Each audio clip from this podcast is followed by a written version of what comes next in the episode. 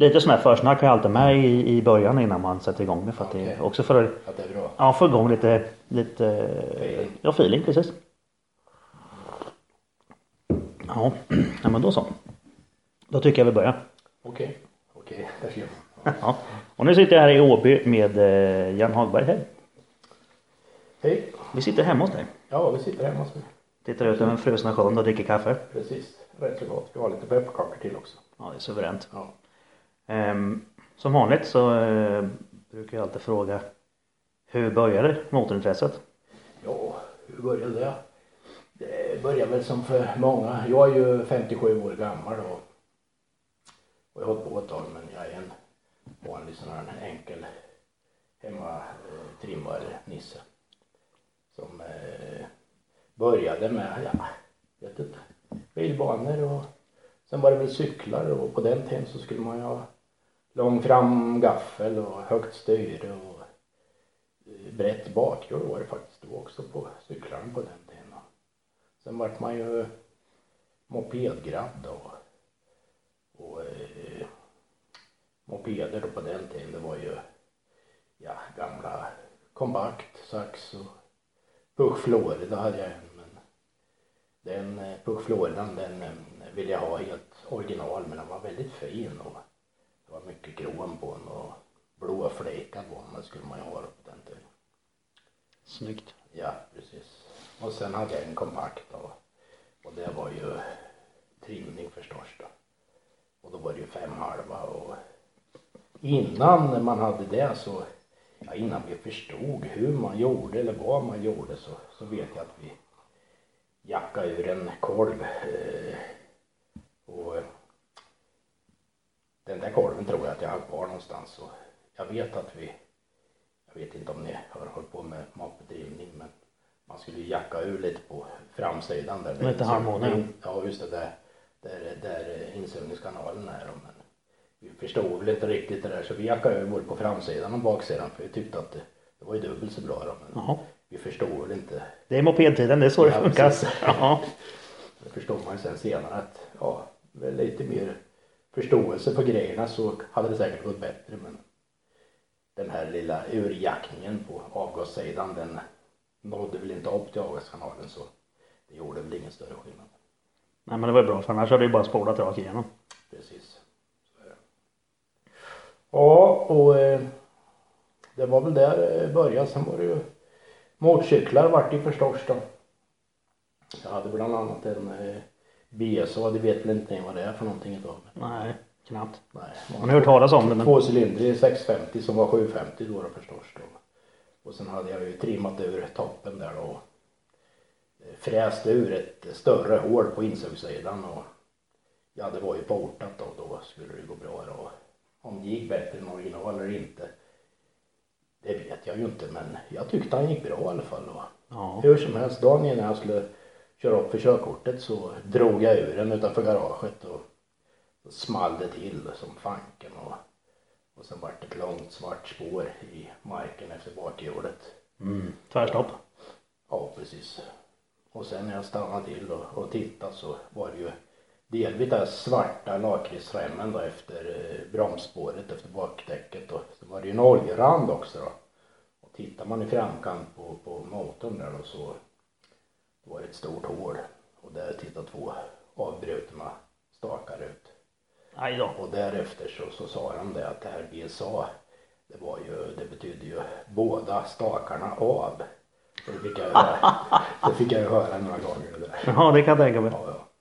Den körde jag upp i alla fall dagen därpå på för motorcykelkörkortet då när jag var 18 år då.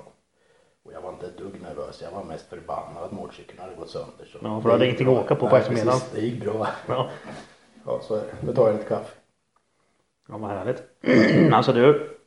Du började med mopeder som så många andra har också gjort ju. Ja, Ja. precis. Och sen då så fixade jag ju den där. Jag fick låna en BSA-motor och körde på den, den sommaren då. Och sen så byggde jag väl om den till sommaren därpå också då. Och, eh, jag var jäkligt snygg med mycket krom och mycket fina färger och och eh, ja, en sån där shopper som man hette på den tiden då. Mm. Var skitsnygg faktiskt. Låg och lång, allt vad den heter. Men eh, eh, till året därpå då, så, så gjorde jag i ordning den där igen och eh, det var ju nyborrat och nya kolvar och det var den där trimmade toppen och, och eh, var ute och körde. Det var en kompis som hade en, en trajar och glämta heter han. Och vi var ute och körde och hur som helst så ax testade vi förstås nere i Åby där då. Såklart. och jag var ju faktiskt före honom då. Men hur som helst så ah, small det ju till igen då. Då vred jag ur den. Då var det tävling. Då gick man in för det. Ja visst. Så då så eh, hur som helst så small det ju till och jag drog in kopplingen och sen tittade jag bakåt. Och då såg jag ju kompisen glänta där. Han satt med ena armen upp över ansiktet så här och skyddade sig mot någonting. Och jag förstod inte vad det var för någonting men efteråt förstod jag att när vi stannade till efter vägkanten så ja, alla eh, muttrarna, nio eller tio stycken vad det var som satt runt eh, cylinderfoten, de var borta. Så, Oj. Ja, korven hade nöt i cylindern och eh, alla muttrarna sköt ju upp där, eh, gängarna försvann och Han slet ur cylindern alltså. han sköt upp cylindern och, eh, och eh, de muttrarna kom ju bakåt och Glänta fick dem i påse där då. Så det var väl anledningen, an- anledningen till att han eh, skyddade sig lite där. Ja du. Sen eh, fixade jag till det där i alla fall och sålde eh, BSA'n och bestämde mig för att nej, jag skulle ha en bil istället så då köpte jag en gammal Nova 66 en svart och det här var 1979 på hösten. Den bilen har jag kvar fortfarande idag då fast det är 2018 idag så jag har haft den några år. Det har väl varit min provbänk eller vad man ska säga då genom från 1979 och fram till idag då. Så jag har väl hållit på med motortrimning ja, eh, ungefär Ja, sen dess alltså. sen dess då. Precis. Ja det var det vi tittade på idag då. Ja. Den gamla bilen är, har ju varit eh, mycket på tävlingsbanor och jag tävlade ifrån 79 kan man väl säga där då och fram till till 2002 körde jag väl sista gången men sen har jag hållit på mycket med med motor och bil och även fast jag inte har kört men då. Men nu är det dragracing vi pratar om. Ja, precis. Det är dragracing. Och eh, det har varit eh, mycket ungar och sånt som kommer till och sen så har det varit husbyggnationer och, och eftersom jag har byggt mycket med bil och bilar och varit involverad i många andras motorer och förstås och även bilar så jag har ju tyckt att det där har varit kul så att eh, den kunskapen som man har fått i alla detaljer på, eh, på bilar har jag använt på huset också så det har blivit fränt med faktiskt. Med ja, hur det ser ut. Ja. Både hur det ser ut på tomten och hur det ser ut på, i huset med all, all design. Så det är lite kul. Så det, det sitter alltså racebilsdesign i huset. Absolut, det gör det. Spännande. Ja, Ja det är kul. så är det. Men jag vet inte, nu skulle vi väl prata motorsport eller Ja. motortrimning. Motorintresse. Motorintresse, okej. okej. Ja. Men eh, ja det, det som jag är ute efter här hos dig det är ju såklart att vi ska vi ska ju prata, det, speciellt det egentligen som är topplock. Mer eller mindre. Ja, jag har hållit på med allt, vad ska jag säga, med bilar från rost till ja, bygga racerbil eller bakaxlar, kortningar och förbättringar och förstuvningar och växellådor, manuella förstås då. Automat är till för pensionärer och Och dragbilar. Ja, precis. Så eh, manuella växellådor har jag hållit på med till mig själv och till andra och bakaxlar har jag på med till mig själv och till andra också. Och sen motorer förstås då också. Eh, många genom åren då. Jag kommer ihåg för länge sedan du berättade att eh, du hjälpte till att skruva ihop motorer i eh, Örebro va? Ja, eh, visst. Vi gjorde ett litet bytesarbete där i på början på 80-talet att jag eh, Ja, jag var ju där så mycket på Custom Racing där i Örebro. Det är ju en motorrenoveringsfirma som har god eh, kunskap, har haft genom alla tider med bra, bra människor. Ja de har ju fått renovera min motor en gång. Ja, okej. Okej. När jag körde lagras. Ja. Och de är duktiga. Det har varit bra människor där uppe hela tiden som har varit eh, kunniga. Hur som helst så på den tiden hade man väl eh, inte så gott ställt och jag lämnade upp för borrning och sånt man gjorde till motorer så, så gjorde vi lite bytesarbete så jag hjälpte till att skruva ihop motorer och, och så bytte vi det mot eh, arbetena som de gjorde på maskinjobben som de gjorde på mina Mm. motordelar då, så. Du bytte skruvtid mot maskintid. Precis. Smidigt. Jag sov på luftmadrass i verkstaden där. Hur coolt som helst. Absolut. Ja. Men då, eh, då tänker man att, att om du har jobbat på det sättet så är du nog inte helt skitdålig på att skriva ihop motorer. Då vet du hur det funkar kan vi säga. Det finns alltid något som är bättre. Så jag säger inte så, annat än så. Men visst, jag, eh, jag har hållit på med det här jättemycket. Och, ja, Men jag har ju lärt mig ett och annat i alla fall av dig. Det är lite kul. Absolut. Och det är ju, jag brukar säga, alltså, som, det, har vi, det har vi pratat om många gånger i podden, att jag är en av de få som har fått en RB-motor att hålla. Och det beror ju dels på Stefan Werdi och dels på Jan Hagberg. Det är kul att höra. Ja. Tackar så mycket.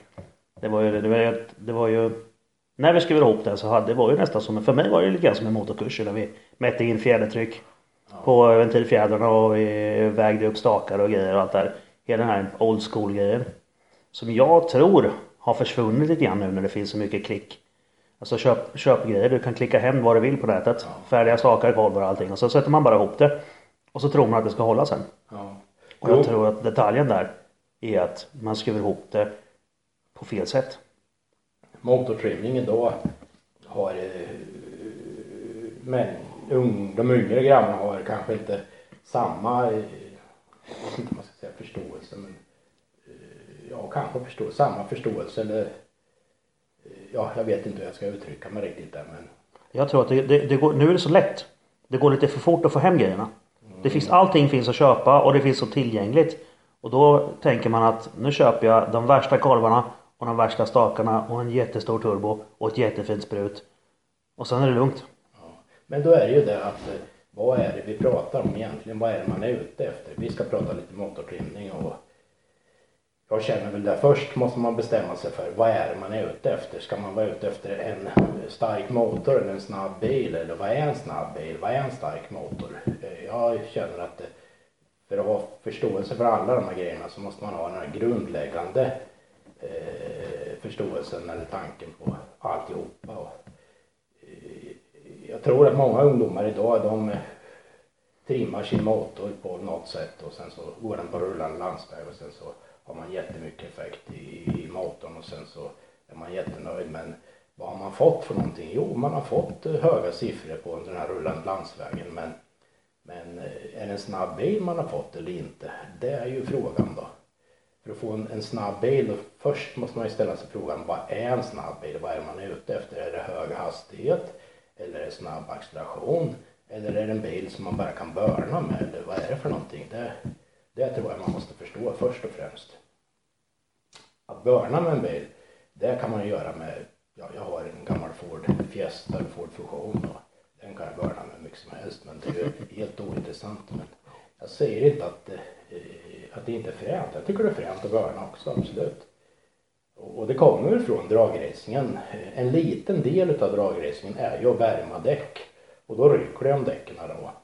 Och många har väl greppat det där och tycker det är skitfränt men ser inte helheten där. Men eh, när det gäller sådana här drifting och det så jag tycker det är skitfränt absolut. Det är jättekul och, och fränt med, med, med bilar med mycket effekt som kan åka och, och runt och sladda med, med mycket rök och, i kurvorna så är det skitkul men och dragracing, ja vad det är om man står still och sen så kör man 400 meter rakt fram eller 200 meter rakt fram. Ja, ja hur intressant det är och ja, jag vet inte. Det, det är sånt som man kan diskutera men eh, Det handlar ju mer om personliga intressen. ja precis. Ja. Men en snabb bil för mig är ju en bil som eh, accelererar fort. Och hur får man det? Det får man inte genom att ha hög effekt i motorn utan man måste ha mer grejer då. Jag brukar kalla det för bromsbänksracing. Eh, Ja. Den som har coolast eh, bromspappret den vinner. Ja, lite så kan man känna att det, att det blir ibland, ja. Men, eh, Men det, det är för sig också rätt så ballt. Ja. Man sitter på en fest och bara, "Ja, men hur mycket har du då? Ja, men jag har bromsat 1300 hästar. Skitkul. skitkul. Ja det är rätt coolt. Absolut. Det är ju. Absolut. Men sen är det, kör du med 1300 hästar sen eller kör du med 400 sen? Det är också en, en liten skillnad. Det, det, det är det jag tror att, att det här som du, som du gör och som du lite grann förespråkar, det som jag framförallt förespråkar efter att jag har fått lära mig det av dig. Det är ju det här med att ska du bygga en motor som till exempel, vi säger 800 hästar. Vilket inte alls är omöjligt idag och inte ovanligt heller bland de som lyssnar på det här med, med sina eh, turbosexer överallt. Men det ska ju få den jäveln att hålla sen. Och ligga och nöta bana en hel sommar. Typiskt gatubilexempel om man ligger och blåser, i, driftar i fyra dagar i sträck. Och plöjer 120 liter soppa. Och den går inte sönder. Dit kommer man nog inte om man inte gör det på rätt sätt. För det räcker inte med en stor turbo och en bra bromsbänk för att få den att hålla. Utan det gör det för att få mycket effekt. Sen ska ju då grejerna hålla ihop också. Mm. Och då är det ju det att då ska det ju monteras på rätt sätt. Mm. Absolut. Men det är ju, vad ska jag säga, om man har en, en effektkurva, alltså vilket varvtal har man effekten på? Om man till exempel har eh, maxeffekt på ett speciellt specifikt varvtal, 6000 varv bara som exempel. Och man vill att bilen ska vara snabb, då är det det varvtalet man ska använda precis varje tiondels sekund vad man än gör för att få ut ja, effekten till att göra bilen snabb. Ja, då måste vi ha en växellåda som passar in där ja, till exempel. Precis. Ja. Så om vi försöker och, och, och vad ska jag säga, prata dragracing så är det enklare och om man då står still i starten och eh, ska iväg snabbt, eh, alltså en snabb bil ska iväg och man har 800 hästar i en motor vid till exempel 6000 varv eller 7000 varv spelar ingen roll. Så är det den effekten, eh, det varvtalet som man ska använda precis från startögonblicket och sen hela vägen, varje meter hela vägen upp till mål. Det är då bilen blir snabb och man kan använda effekten. Mm. Ofta så ser man ju på grabbarna idag med de här turboeffekterna att man har sig och så många hästar men de eh, har inte rätt utväxlingar och skulle de ha rätt utväxlingar så är det kanske oftast grejer som går sönder och så här va? så att det, det är svårt, det är ett fåtal som man ser får snabba fordon utav mycket effekt. Men eh, ja, ungefär det som jag ville få fram. Jag vet inte om jag fick fram vad jag... Jag tror att, eh, jag tror att folk eh, förstår vad du menar. För det är ju som, som du säger. Eh, man får inte en snabb bil av att bara ha mycket effekt i motorn. Nej, nej. Det är mycket, mycket mer som krävs. Och har du dragracing, då måste du ha en då måste du kunna växla så att du behåller motorn på det varvtalet där du har effekten. Då måste du dels kunna ratta och växla rätt och kör du med någon form av automat då får du justera in den så den ligger vid rätt ställe för det. Och kör du banracing så måste du kunna bromsa också. Precis. Ja. Så det är ju, det är ju intressant. Men då hur gör man nu då för att få mycket mos i maskinen? Ja, först så kan man prata om det här med vridmoment och effekt då. Vridmomentet, det är ju det man mäter på en, i en bromsbänk. Eller jag brukar säga att effekt finns inte. Det är, det är mitt sätt att uttrycka det på. Du mäter ju vridmoment och sen så multiplicerar du med en viss form. Jag kommer inte ihåg exakt utan till 33 någonstans där. Och då får du fram hästkrafterna. Ja. ja. Precis. Men hästkrafter finns inte för det är matematiskt uträknat. Så, så kan man uttrycka det, ja. Men det, är det har jag fått lite skit för. Men det är effekten man använder. Ja. Det är effekten har, som går fort. Det är den som går fort, ja precis. Vridmomentet, om du har högt vridmoment på ett lågt varvtal så blir inte bilen så snabb. För att du får låg effekt för att den, man multiplicerar bland annat in varvtalet i, i vridmomentet. Och för att bilen ska bli snabb så måste man ha ett högt varvtal med mycket eh, vridmoment och det är då man får mycket effekt. Så eh, har man ett, en, en vad ska jag säga, originalmotor med, med mycket vridmoment på lågt varv så blir inte bilen så snabb i för då. Och det beror på just det att varvtalet måste upp eh, med mycket effekt. Man skulle kunna, bara för att eh, lättare att förstå så, så en Formel 1 motor det är det mest avancerade vi har i motorväg eh, idag. Och eh, eh, en sån Formel 1 motor har inte speciellt mycket drivmoment alls. Nu, nu måste jag tänka, jag, tänker alltså på en Formel 1 motor de senaste som var innan batteridriften och Ja precis, va? V10 som var Ja, för några år sedan. V8 kom. 2,4 liters V8 fanns ju för jag vet inte om det är tre år sedan eller vad det var.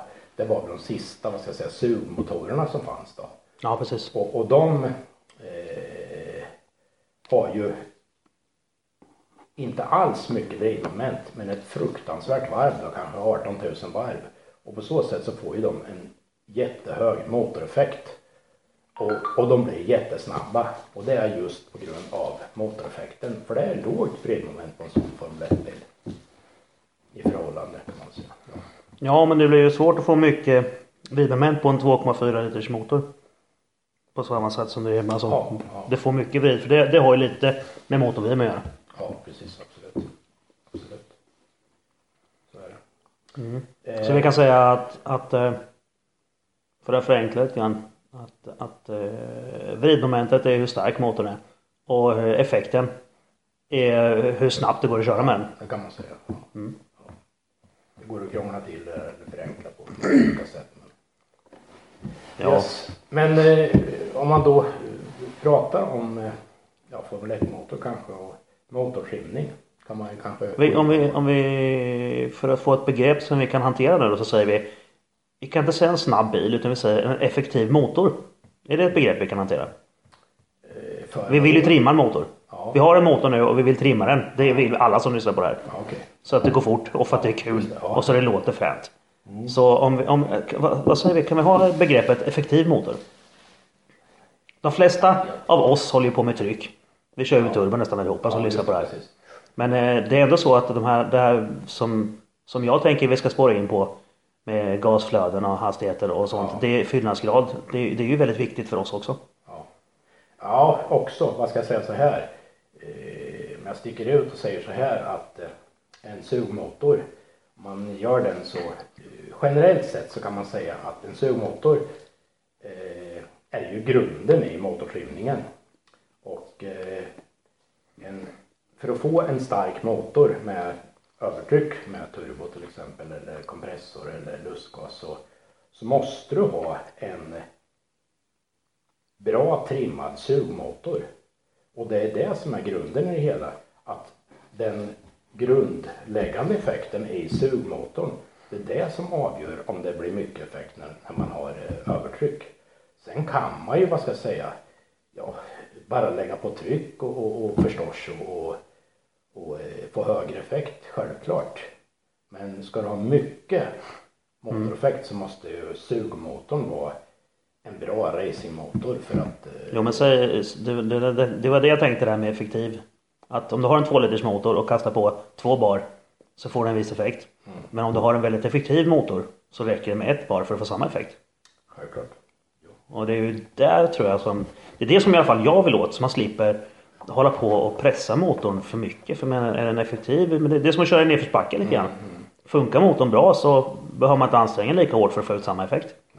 Men sen är det ju också så att eh, trimmar man en, eh, en eh, sugmotor väldigt hårt så blir ju den naturligtvis eh, hårt belastad av alla mekaniska prylar som blir hårt belastade så att det finns ju en gräns där med. Då. Ja, och hårdare ventilfjädrar trycker hårdare och kräver mer och mera varv dödar motorn också. Det förminskar ju livstiden. Ja, precis. Så är det ju alltid. Men det skiter vi lite i. Vi vill ändå köra fort. Men om vi då pratar om grundläggande eh, motortrimning så eh, eh, vi glömmer det här med övertryck just Mm. nu för att försöka förstå hur en Nej, men hur, hur, man får, hur man mosar i laddtryck, Ja. det vet de flesta. ja, ja, Så är det ju. Utan det, det, det är det andra som är det, det, det som är kul tycker jag. ja det väsentliga är det faktiskt. Ja, men lite så. Ja.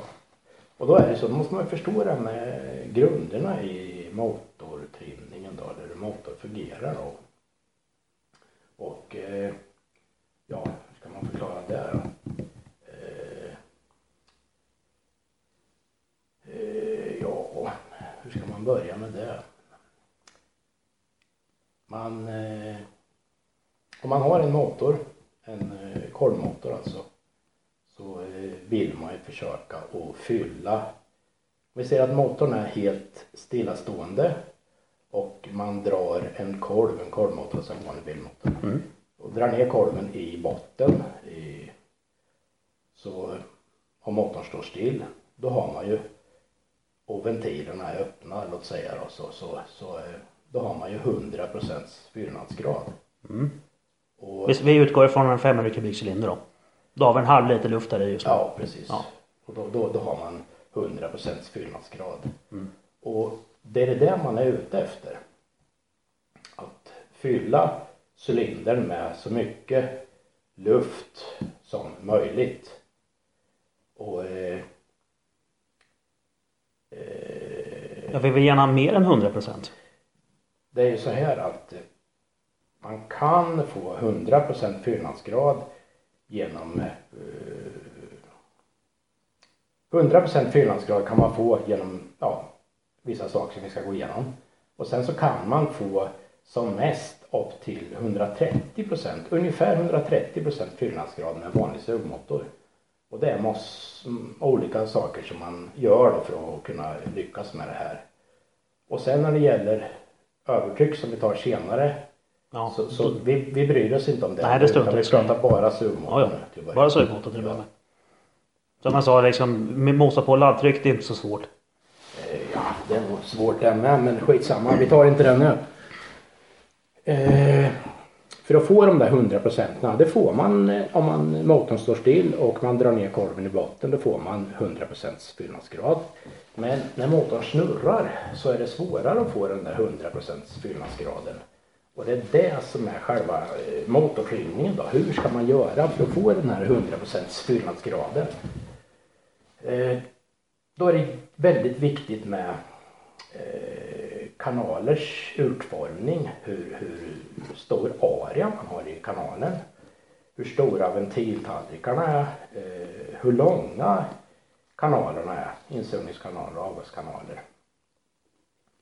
Och eh, vid ett visst varvtal, låt säga eh, 2000 varv på motorn, så ska ju eh, de här arierna och längderna på kanalerna och allting det här. Vi, vi säger storlek. Storleken var en, en speciell storlek. Ökar man varvtalet till 4000 varv då måste man ju förändra storleken på kanalen också. Och eh, för att få en motor att fungera på ett eh, ännu högre varv så måste man gå upp i ytterligare storlek förstås då. Och det är det där som är själva eh, att ha rätt area på kanalen och ventiltallriken vid ett speciellt varvtal. Och kan man få det där att stämma exakt då får man 100% fyllnadsgrad om man är väldigt duktig. Och det där beror på bland annat eh, arean på kanalen, hur ventilsätet ser ut. Hur förbränningsrummet ser ut runt omkring ventiler. Och hur bra eh, kanalen är utformad. Ja, vilket flöde man har alltså. Man kan göra sådana här eh, tester med topplock bland annat i flödesbänk och, och få kanalen att flöda så bra som möjligt. Ett bra flöde kan man ju få med en stor kanal. Men eh, då har man ett bra flöde men du får fel gashastighet så att eh, det här som jag pratade om förut att om vi inriktar oss på ett speciellt varvtal till exempel 7000 varv så måste ju hålets storlek, arean i kanalen vara dimensionerad för att det ska bli rätt gashastighet i kanalen. Och det är den här gashastigheten, jag kan inte säga exakt vilken gashastighet det är nu, det har jag inte i huvudet. Men just den gashastigheten, alltså luftflödets gashastighet, det måste vara ett speciellt, eh, en speciell hastighet. Och går man ner i varvtal så vill man ändå ha den här speciella hastigheten. Så därför fungerar ju en, en motor bäst vid ett speciellt varvtal eftersom kanalens area har eh, just den här speciella gashastigheten, lufthastigheten alltså, vid just eh, det varvtalet. Varvtalet hänger alltså ihop med hålstorleken i, i kanalen. Och där är vi lite grann på det här med eh, Eftersom vi näst, Alla av oss köper ju inte racemotorer Som är gjorda för racing utan alla vi utgår ifrån en produktionsmotor Ja. Och den har en kanal som kanske är avstängd för någonting helt annat Ja. Stadstrafik Precis. Ja, därför kanske vi måste göra någonting åt kanalen eventuellt Precis. Ja. Och just det här med gashastigheten, det är väl kanske det viktigaste då. Men och sen är det här med flödet också då. En kanal kan ju se bra eller dålig ut. Eh, bästa kanalen det är väl ett runt, rakt rör eh, invändigt. Så vill man ju kanske att en kanal ska se ut. Men tittar man ner i, en- i, ett topplock till exempel eller ett eh, insug så ser man ju att ja, det ser inte riktigt ut så då. Nej. Och det är väldigt viktigt med, med precis där, där kanalen börjar hur, hur kanalen ser ut där med eh, mjuka eller stora eller små radier just där, där luften kommer in i, i, i kanalen då. Och det är ju populärt kallat för trattarna där ju Oftast Ja just det. De flesta racensug har ju någon form av tratt inuti Ja. pinnot Yes. Och den radien påverkar ju också då vilket varvtal det ska funka vid eller? Eh, nej, inte den radien. Den ju, ska ju vara eh, bra utformad för att, ja som du säger, trattformad då, så att, eh, li, lite grann så att säga. Och det är för att inte luften ska fastna då på vägen in eller? Ja, den, eh, om man har en eh, yta i, precis i början på kanalen där som är som inte har rätt form så får man ju turbulens i, i kanalen där då. Och det gör ju att man får ett sämre flöde då. Ja det vill vi ju inte. Nej. Man vill ha så mycket flöde som möjligt också då. Och sen rätt gashastighet. Och just det här med topplock är ju eh, kanske ofta eh, svårare än eh, vad man kan tänka sig. Det är inte bara att ha ett stort hål där, det, det blir inte bra. Och sen är det så att man har ju en ventil som är i vägen också då. Och ventilen är ju öppen olika mycket vid olika tillfällen. Och, och helst vill man ju ha ventilen öppen eh, så mycket som möjligt. Ja, nu kan man säga ungefär så. Eh, för att få så mycket flöde som möjligt. Men ventilen är ju inte öppen fullt hela tiden utan den är öppen lite grann. En millimeter, två millimeter, tre millimeter. Och, Ja precis. Men kam, kamnocken är inte fyrkantig. Nej, precis. Det går inte att göra kamnocken så då. Även om man skulle vilja det. För att få ventilen att vara öppen fullt hela tiden. Men olika kamaxlar kan ju vara, ha snäll öppningstid eller aggressiv öppningstid. Och aggressiva öppningstiden där han öppnar, ventilen öppnar snabbt alltså.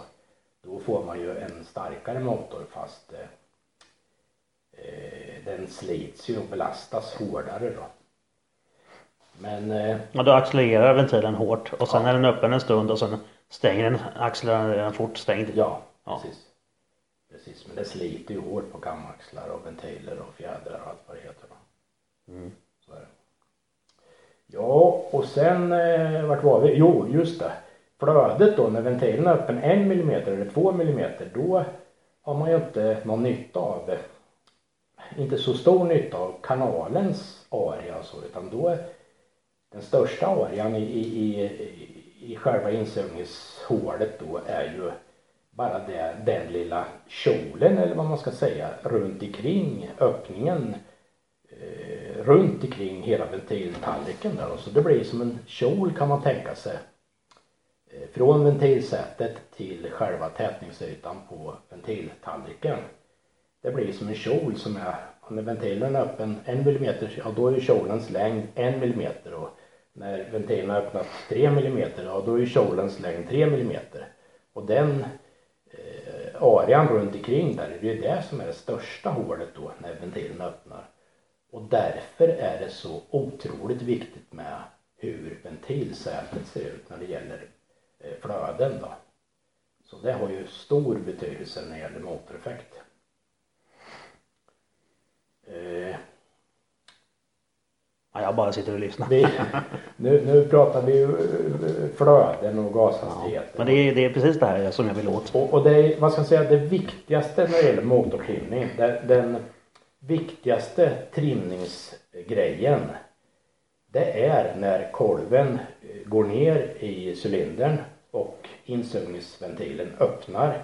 Där är den vikt, det är nummer ett när det gäller motortrimning.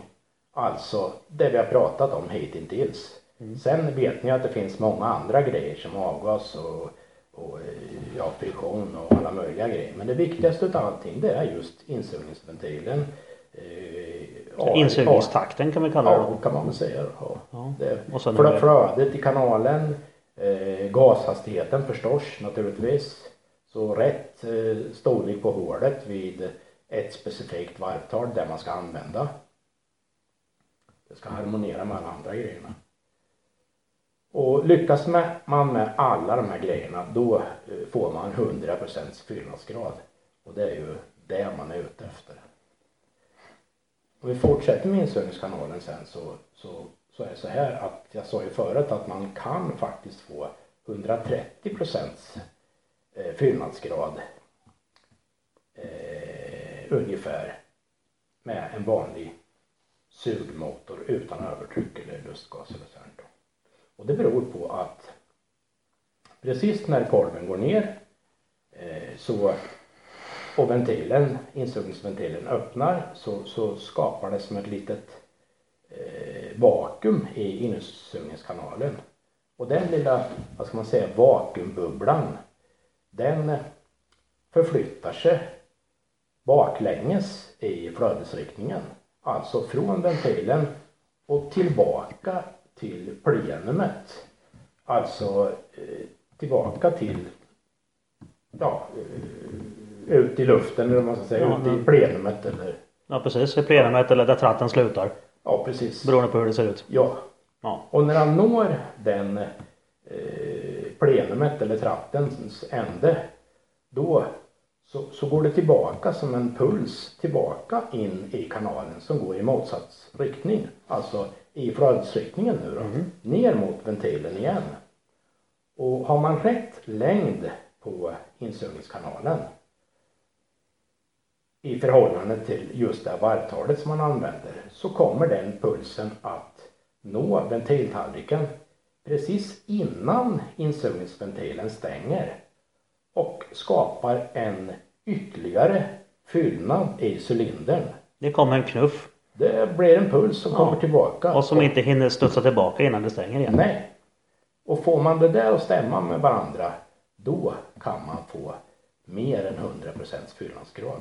Det är där vi börjar snacka racemotorer. Där är det en eh, jätteviktig del för att få högre effekt då, mm. som sagt. Så är det. Hur, hur stort varvtalsområde kan man få den här pulsen att stämma? Jag vet inte Ungefär. riktigt men jag gissar att eh, tusen varv kanske eller någonting sånt. Mm. Så du säger då mellan, mellan 6 och 7000 varv ja. kan du få det här, ja, det här guldläget? Kanske, kanske. Ja. Och sen så är det ju så att de här pulserna de kommer ju vid olika varvtal kan man göra. Mm. Så man har en puls vid lite lägre varvtal och en puls vid ett lite högre varvtal och olika styrkor på de här pulserna då. Mm. Du kan alltså få två stycken sweet spots ja, mer eller mindre? Ja, precis. Mm. Men jag tycker vi inriktar oss på den här eh, ena pulsen. Här ja, den kraftiga tar vi ja, såklart. Ja. Eftersom vi vill, vi vill åt mycket effekt. Ja, Och det där gör ju kanske inte de här 30 procenten utan det kanske gör en större del utav det hela. Men det är ytterligare en puls som vi har att, att ta vara på. Och det är den, vi har ju två ventiler en avgas och en insug eller två av varje då. Ja precis. Har ingen betydelse men, men eh, i det här fallet så kör vi, i det här fallet kör vi med två ventiler. Vi, vi räknar med det. Vi ja. räknar med I våran exempelmotor nu så ja, har vi två ventiler. Precis. Hur som helst då. Eh, eh, när båda ventilerna är öppna samtidigt på en originalmotor så kanske inte båda ventilerna är öppna samtidigt. För ena gången när kolven är i topp då tänder ju tändstiftet och då brinner det ju där inne och trycker ner kolven. Och då är Näst- båda stängda. Ja, då är båda stängda. Och sen nästa gång kolven kommer upp då. Då är på en trimmad kamaxel så är båda ventilerna öppna. Och eh, innan... Eh, Det har ju med durationen att göra. Ja, just det, precis. Öppningstiderna eller durationen. Ja. Och om vi backar lite och säger så här att eh, vi tar lite, eh, lite mer från början så, så Tändstiftet tänder och det brinner. Man trycker ner kolven. Kolven kommer ner ungefär i botten så öppnar avgasventilen. Och eh, då blåser det ut avgasröret förstörs då.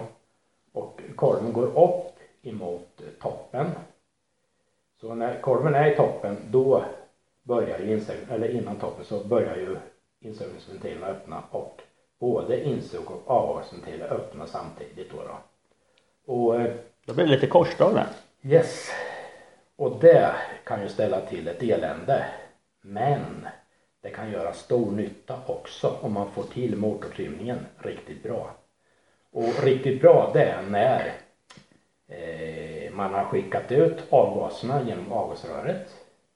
I avgasröret så, så eh, skickar man ju ut en tryckpuls som när den här tryckpulsen kommer ut i den första aria-förändringen.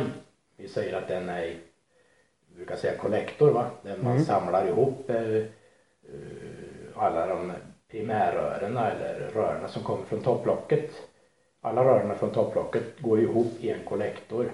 Och när, när den här tryckpulsen i avgasröret går ut i kollektorn så, så skapas det där då en motsvarande som vi pratade om förut i insugningskanalen en, en, en, ett vakuum, eh, en vakuumbubbla som går tillbaka i avgasröret i primärröret, går tillbaka hela vägen till topplocket och in i, eh, förbi avgasventilen och in i förbränningsrummet. Och där sätter den fart på insugningen. Den skapar ett undertryck och tro om ni vill men jag har läst att eh, man kan skapa sju gånger så mycket undertryck om man jämför med när kolven går ner och skapar ett undertryck när man ska suga in, in luften så, så, så kan den skapa sju gånger så mycket mera undertryck. Nu är det så att kolven är ju i topp så att eh, det blir ju inte så stor volym.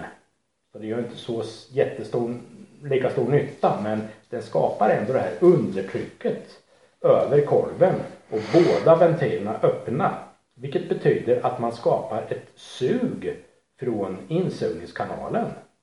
Man kickstartar Man insugningsfasen. kickstartar insugningsfasen genom det här. Om man Mm. får till längderna och arierna på, på eh, primärröret och Ja, avgasröret. Och det nu är vi lite grann inne på hur ett extraktrör fungerar egentligen. Ja, Ja. precis. Och det är därför det är så viktigt att ha sådana. Ja, Mm. absolut. Jag tror att där fick nog mer än en en liten aha-upplevelse. Ja, Tror jag. hoppas det. Men eh, ja, det är det som händer i alla fall. Jag hoppas jag förklarar på ett ungefär hyggligt sätt. Det, är inte så lätt att förklara. Man skulle gärna vilja rita och berätta och peka med fingrarna. Men Vi får göra ett onroaders seminarium med henne. Eh, eh, hur som helst, med både den här avgaspulsen och insugningspulsen och eh, bra flöde och rätt arier så kan man då få en sugmotor som har eh, 130 procents verkningsgrad. Eh, ja, ungefär. Ja, när han har hittat sin sweet Ja, spot. precis. Alltså eh, 130 procents fyllnadsgrad. Att man fyller upp eh, utrymmet eh, när kolven är i botten så, så fyller man upp utrymmet som är ovanför eh, kolv, kolven, mellan kolven och förbränningsrummet så fyller man upp det med 130 procents eh, Det blir helt enkelt ett litet övertryck. Ja, det blir lite övertryck. Ja. Det är alltså typ eh, kompressor eller vad man säger. Man, Precis. man tar hjälp av de här grejerna för att få ett övertryck i cylindern. Ja, och sen stänger insugningsventilen och då har du alltså 30% mer luft än vad som egentligen får plats där Ja, rätt. Ja. Ja, enkelt. Och då får man lite mer mos också. Absolut. För det är ju inte bara luft utan det är ju gasblandning. Japp. Ja, och där har vi effekt att hämta. Yes. Och sen är det ju alltid så här bara att eh, det jag pratar om nu, jag, jag säger ju luft hela tiden och det är det det handlar om. Att få in så mycket luft som, mycket, som möjligt. Sen har vi ju bränsle och dylikt också då. Men Det är lättare att öka vad de skickar på mer tryck, bränsletryck eller Ja men bränsle och tändning och, och det här va. Det är, ju, det är ju någonting som man ska justera sen så att det blir rätt bränsleblandning och rätt eh, tidpunkt för tändningen. Det är någonting som man får justera sen i efterhand. det är lättare att justera än hur mycket luft du får in. Ja luften det, är- det är liksom själva motorn är en luftpump och man vill försöka få den att och det ska strömma så mycket luft som möjligt genom motorn under när den går på, på ja, Ja. Jo men jag tänker att alltså tändningen den kan du justera hur du vill. Ja. Idag med sprut och grejer. Det är inga Ja. konstigheter alls. Och om det är så att du, du menar Får du in en viss mängd luft och då tillsätter du bara det bränslet som behövs. Precis, så är det. Det är ju inte så att inte bränslet räcker till. Nej. Och det är det som Då har du ett angenämt problem. Ja, det är det som är, vad ska jag säga, det vi pratar, pratar om nu, det är motortrimning. Det är alltså arier på kanaler, eh, längder på kanaler, eh, storlekar på ventiler, eh, hur viktigt det är med ventilsäten och eh, öppningstider på kamaxeln. Jag vet inte, det har vi kanske inte pratat om så mycket men Nej. jag tror ni förstår att det är väldigt viktigt med att eh, ventilen öppnar och stänger vid rätt tillfälle. För om det blir fel tillfälle då får man inte den här 130-procentiga eh, Ja just det. utan, utan eh, kamaxeln är förstås jätteviktig. Och man vill ha snabb öppningstid. Alltså det har man ju inte i en, en motor som kommer från fabriken utan den har ju Där har man massa emissionskrav och grejer. Ja, dels har man det och sen har man ju vad ska jag säga förslitningskrav också. Ja den ska hålla 30 000 mil. Ja, precis. Utan att ha idiotservice på. Ja. En riktig racermotor får man ju serva oftare än Ja, och då byter man inte bara olja. Då kanske man får justera om eh, skims och grejer. Och Ja, precis. till slut får man byta kamaxeln för den blir för nött kanske. Precis. Ja. Så kan det vara. Och det händer ju inte i en, en vanlig bruksbil. Nej, precis. Och sen när man fortsätter då så, så jag vet inte, det finns inte så mycket mer att prata om kamaxeln där men ja det finns ju Vi kan göra ett massor ett där. avsnitt om Ja, bara ja, kamaxeln. ja, Ja. Ja. gånger. Enkelt sett så är det ju när ska han öppna, när ska han stänga liksom. Och, Vi kan väl generellt eh, gå in på det här med, med duration då. För alla har ju hört om alla olika grader och hit och dit. Vad, eh, om man bara ska höfta lite och vara- bara generalisera lite snabbt om det. Eh, vad vill vi ha för, för duration och varför?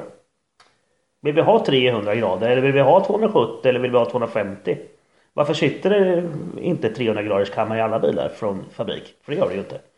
Först och främst så är det som så att eh, det går inte att jämföra durationer mellan olika tillverkare. För de anger, vad ska jag säga, öppningstiden vid olika eh, startögonblick och stängningsögonblick. Så, så det går inte att jämföra eh, kamaxlar emellan varandra. Utan en originalkam, där an, anger man en öppningstid och en stängningstid. Och eh, det är inte samma startpunkt som, eh, som en, en trimkam eller från ett visst företag eller från ett annat företag. Till exempel som man tittar på amerikanska sådana här grejer så anger de alltså en eh, duration. Man, då säger att de, den har 300 graders duration. Men man anger inte när börjar de mäta. Och, och då finns det alltså eh, om man säger då tum då, men skitsamma. Ja, Alltså anger en del då eh, företag eh, att precis när ventilen börjar öppna och är det då med ventilspelet eller inte, det vet vi inte. Eh, en del anger vi 006 eh, tums öppningstid, öppningshöjd. Eh, höjd. en del använder 020, en del använder 050, en del använder 012, 016 och ja, gör om det i millimeter så, så blir det samma sak. Så att det går inte att jämföra durationer mellan varandra. Det är jättesvårt. Och sen är det som så att kamaxens eh, trimgrad är ju inte bara öppningstiden eller durationen som man kallar det utan det är ju hur mycket ventilen öppnar också. Och eh, det kan vi ta lite mer med topplock sen också. Men det- ja med lyftet ja. Ja. ja. Det jag vill sen- åt egentligen. Och, vänta, och, och sen är det det här med, med hur snabbt ventilen öppnar, alltså accelerationen. Och en riktig trimkamaxel den öppnar ju ventilen så snabbt. Vi pratade om fyrkantig eh, nock förut då. Mm. Och, och det är ju någonting som är riktig trimkamaxel där den är snabbt öppnar och snabbt stänger. Ja, man kan säga att nocken är trubbig i toppen. Ja, För då ser det ju ut. Nej, det var, frågan var ju nämligen det att jag kommer ihåg när vi köpte, när vi byggde min motor. ja, Så var det du som fick rekommendera kam i förhållande till hur kanalerna var gjorda. Och då rekommenderade du en kam som vi hittade från Tomei då som var 270 grader och 10,8 i lyft. Och Men då de 270 graderna det var just det. Vi visste ju inte vad är 270 grader Nej. och vi försökte jämföra med original. Jag tror det var eh, vid, en millimeter då tror jag den, just Ja, okej. den kannen angav. Mm. För det hittade vi sen. För det var då du förklarade det här för mig och jag stod som ett fån och tänkte va? Är, nähä, okej. Så 270 grader är inte 270 grader. Utan 270 grader är i det här fallet 270 grader vid en millimeters öppet lyft. Ja. Och då, då, det var då jag tänkte att jaha det här var ju knepigt. Så det var inte så lätt. Nej. Och de här grabbarna, nu- nu återigen på det här med internetklicka nu då. Vi sitter och kollar, men hit, kolla här, en kam med 312 grader och nu har jag 270, den här är mycket bättre. Ja fast det kanske är samma. Ja, det kan det vara. Ja, Och det sen, vet vi är, inte. och sen är det ju så, är den eh, aggressiv eller är den mild? Eh, Ja. Öppningstiderna här då. Precis. Jag menar två kammar som, som mäter vid exakt samma eh, öppningstid och, och det här med till exempel din 270 graders kam Mm. så kan ju den ena 270 graders kammen om den har en eh, långsamma öppningstider, alltså mild eh, och, och mot en som öppnar snabbt så kan ju den vara mycket aggressivare, mycket, ge mycket mer effekt. Ja, och där kommer ju kamkorten. Ja. Där de har ritat upp en. Ja, och grader men, det- men de visar inte aggressiviteten. Det, det är ju svårt. Då måste man ju mäta lyftet vid varje gradtal så att säga. Och då får man antingen lägga in kammen i en sån här mätare eller också eh, stoppa i kammen i motorn och sen vrida motorn grad efter grad och sen se Mm. hur mycket öppnar eh, ventilen. Hur aggressivt öppnar den? vid, vid den här graden och sen vrider man motorn framåt en grad Ja. eller fem och kollar hur mycket öppnar den nu och sen fortsätter man sådär då för att se hur aggressiv är den här kammen i förhållande till en annan kamaxel. Ja. Därav, det är fan inte lätt att trimma en motor. Eh, nej, Det är ju skitmycket att tänka på. ja så är det. Och sen är det ju så här, en annan sak som jag tänkte på just när det gäller eh, kanaler och kamaxlar och så här då så så brukar man ju säga så här, jag pratade förut om den här kjolen som är runt omkring om, om man har en, en eh, ventiltallrik som är, har en viss diameter till exempel 50 millimeter i, i tallriksdiameter så, så är det hålet som är arean som är runt omkring eh, den här kjolen som jag pratade om.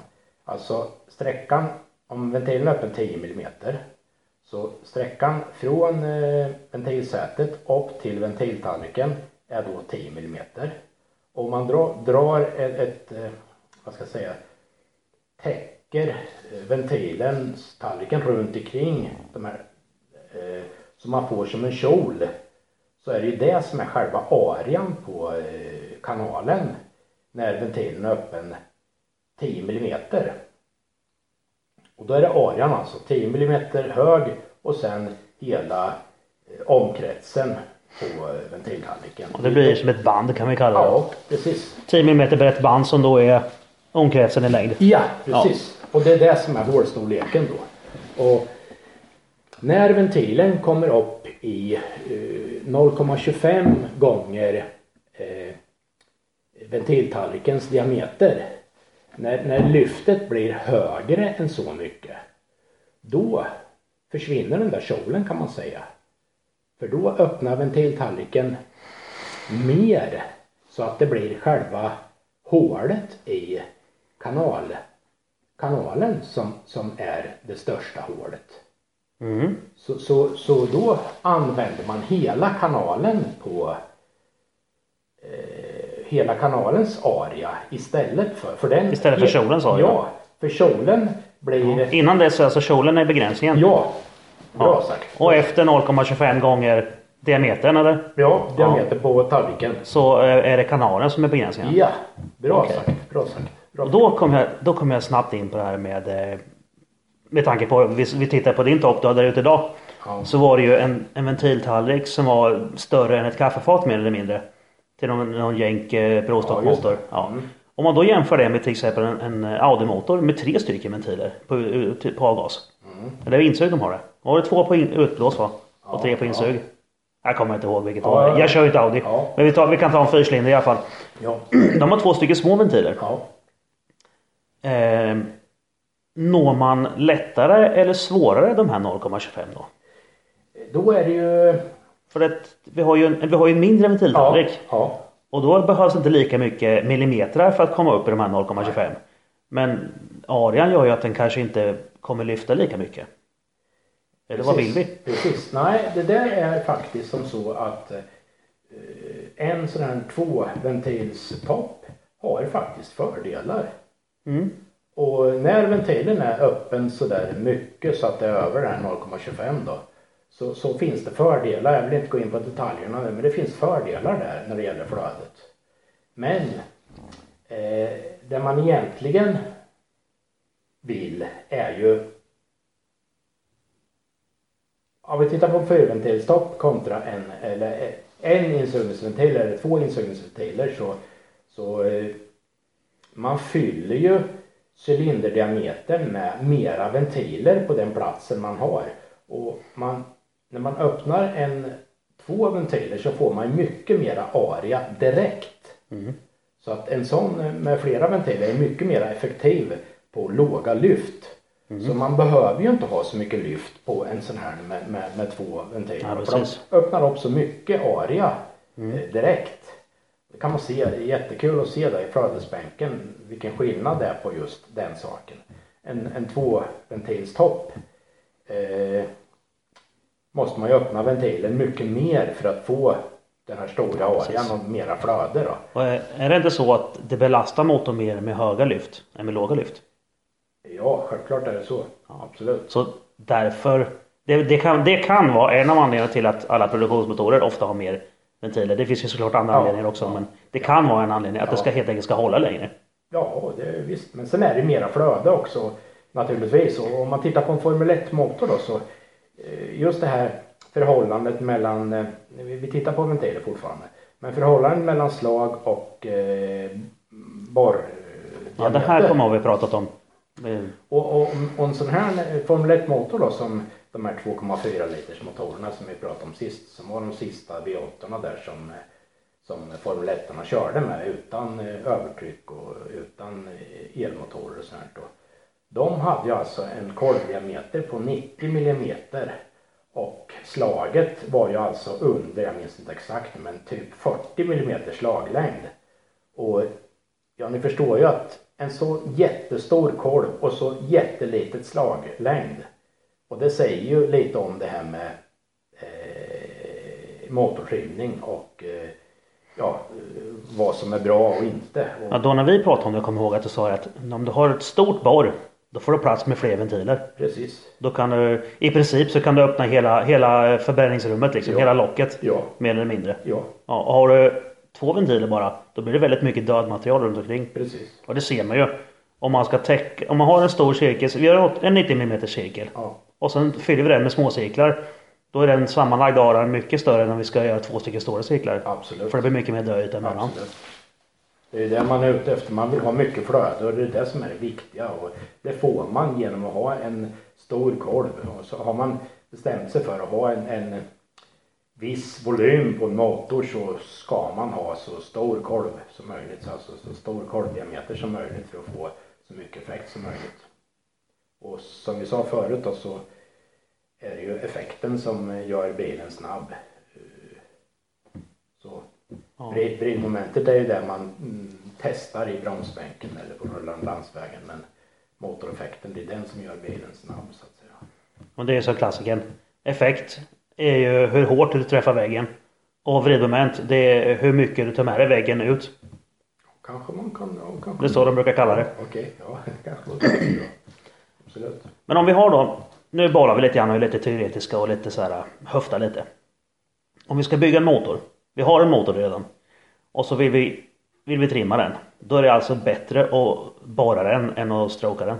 Absolut. Ja, det är ju inget bråk om där. nej. Fast det blir betydligt dyrare troligtvis. Men, men nu är vi bara liksom teoretiska. Ja. Så mycket borr vill vi ha.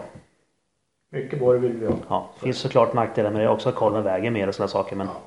men Just när det gäller, vi kan ta en annan del i motortrimningen också då som är, vad ska jag säga, vi brukar säga friktion och det här då. Det är ju det är någonting som man vill ha så, eh, det är en utav sakerna i motortrimningen som vi inte har tagit upp tidigare då. mm, Man vill ha så låg friktion som möjligt och man vill ha alla grejerna som sitter i motorn vill man ha så lätta som möjligt så att det är lätt att förflytta runt och, och eh, ja, det går åt mindre kraft för att röra runt själva motorn. Ja, precis. Och en utav de eh, grejerna som går åt mycket effekt för att eh, eh, driva runt motorn det är det här med friktionen för korvringar till exempel. Det skär ju mycket effekt så det vill man ju ha väldigt smala kolvringar då.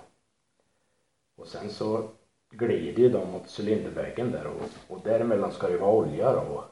Oljan är en viktig del också då. Det där har ju diskuterats. Ja.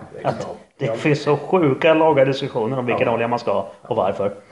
Och eh, om man bara tittar på, ja man vill ju ha så låg friktion som möjligt.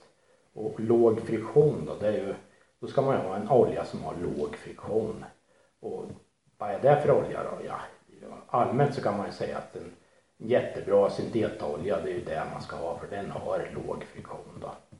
Sen pratar man om mineral och sånt men jag vet inte. Det ska vara låg friktion. Är det någon som lyckas få låg friktion med mineralolja så ja visst, använd den då i så fall. Men jag tror att eh, man måste ha en sån här syntetolja för den ska, för den ska eh, ge låg friktion. Skillnaden mellan mineral och eh, syntet är väl att mineral, ma, enkelt sett så mineralen det är ju det man har dragit upp från backen och sen så tömmer man det i motorn. Men synteten då drar man ju upp samma grej från backen men man förfinar den lite grann då och då får man en syntetolja. Lite Ja. enkelt sagt då. Jag har ju en, Och en sen är det så, är det också så att en viktig del i det här med oljan det är ju att eh, eh, har du en, en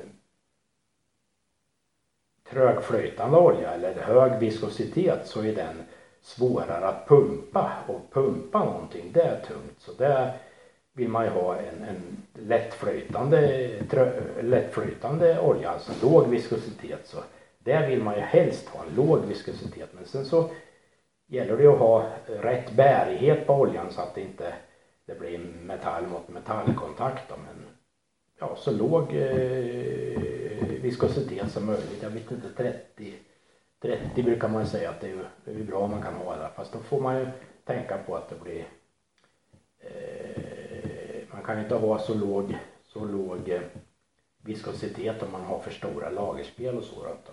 Det måste man ju tänka på. Men, men just för friktionens skull så är det viktigt med låg eh, olja och smala ventil eller vad säger jag, kolvringar och man vill ha skrapa den oljan så att inte den vispas runt eh, utav vevaxel och stakar utan man måste skrapa den oljan ifrån vevaxel och vevstakar och sånt så att det, den inte vispar runt. Man kan tänka sig Ja, du vet själv om man vis, ve, vevar med armen i luften så här så fram och tillbaka med, med handflatan öppen så är det ganska lätt. Men om man gör det i, man är i sjön och simmar så känner man vilken skillnad det är.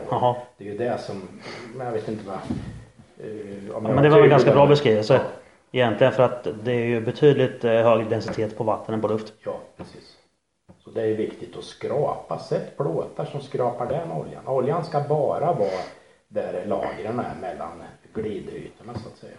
Ja, precis. Och sen en annan sak som man räknar också med när det gäller friktion. Det är ju det här med om man eh, dåligt flöde i en insugningskanal och när kolven då går ner och ska suga då får man ju ett motstånd där som är tungt och suga in luft. Alltså det går åt massa kraft.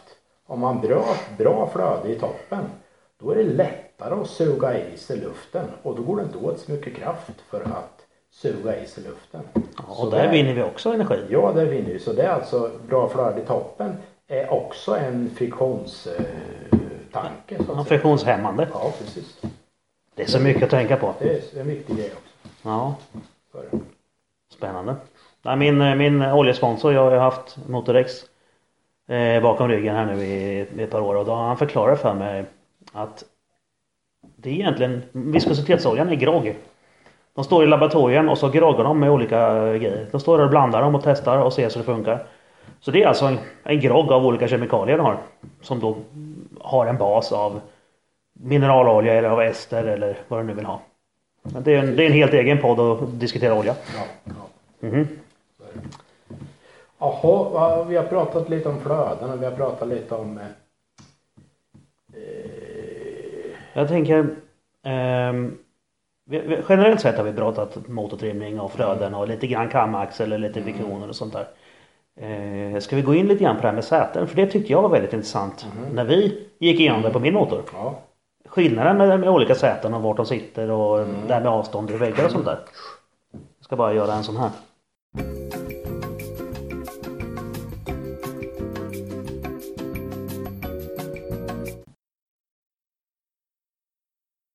Igen. Okej, nu, vad skulle vi prata om? Vi skulle prata om säten och kanaler lite till vidare där också. Ja, ju- just det här med, med sätena och sen flödet runt sätet. För det, det som jag kommer ihåg som vi tog då den gången det var det här med att mitt säte på ena avgasventilen satt väldigt nära kanten. Mm. Så det flödade nästan ingenting där. Okej. Jo, eh, om man tittar på ventilsäten allmänt då så är det som så att eh, eh, om ventilen är öppen lite grann, alltså om vi ser att ventilen öppnar eh, typ en, två millimeter. Vi har en 2 mm kjol kan vi säga. Ja, det uttrycket har vi använt Ja, där. precis. Då, då, eh, hur får man då bästa flödet där? Ja, genom att ha Oftast så brukar det kanske vara 45 graders säten, alltså själva tätningsytan att den är 45 grader. Sen kan man ha olika bredd på sätena också. Och, och vi tar inte bredden så mycket just nu mer än att eh, eh Värmen i ventilen vill man ju flytta över i topplocket och eh, kyla ventilen. Och, och det gör man genom att och, när, när ventilen är stängd och ligger an emot sätet så flyttar sig värmen från ventilen, förbränningsrummet alltså, och flyttar över sig och, och eh, ja, kylvattnet ligger ju i närheten där alltså, så att man kyler ventilen lite grann genom bredden på ventilsätet kan man säga så. Eh, man får ett lite bättre flöde om man har en lite smalare ventilsäte. Så om man till exempel har ett 2 mm brett säte så får man ett sämre flöde än om man har en 1 mm eh, bredd på sätet. Då får man ett bättre flöde. Men vi skulle inte prata om det utan vi skulle prata om just den här tätningsvinkeln då. Och eh, vinkeln på eh, ventilsätet brukar vara ungefär 45 grader eller 45 graders säte brukar man ju prata om då. Men när ventilen är öppen 2 millimeter, du sa att kjolhöjden var 2 Mm. millimeter, det är ett bra uttryck då.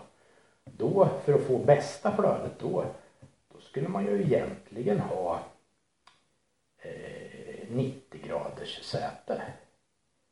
För det är då som... Inget alls alltså. Nej, precis. Att ventilen ligger platt emot eh, topplocket.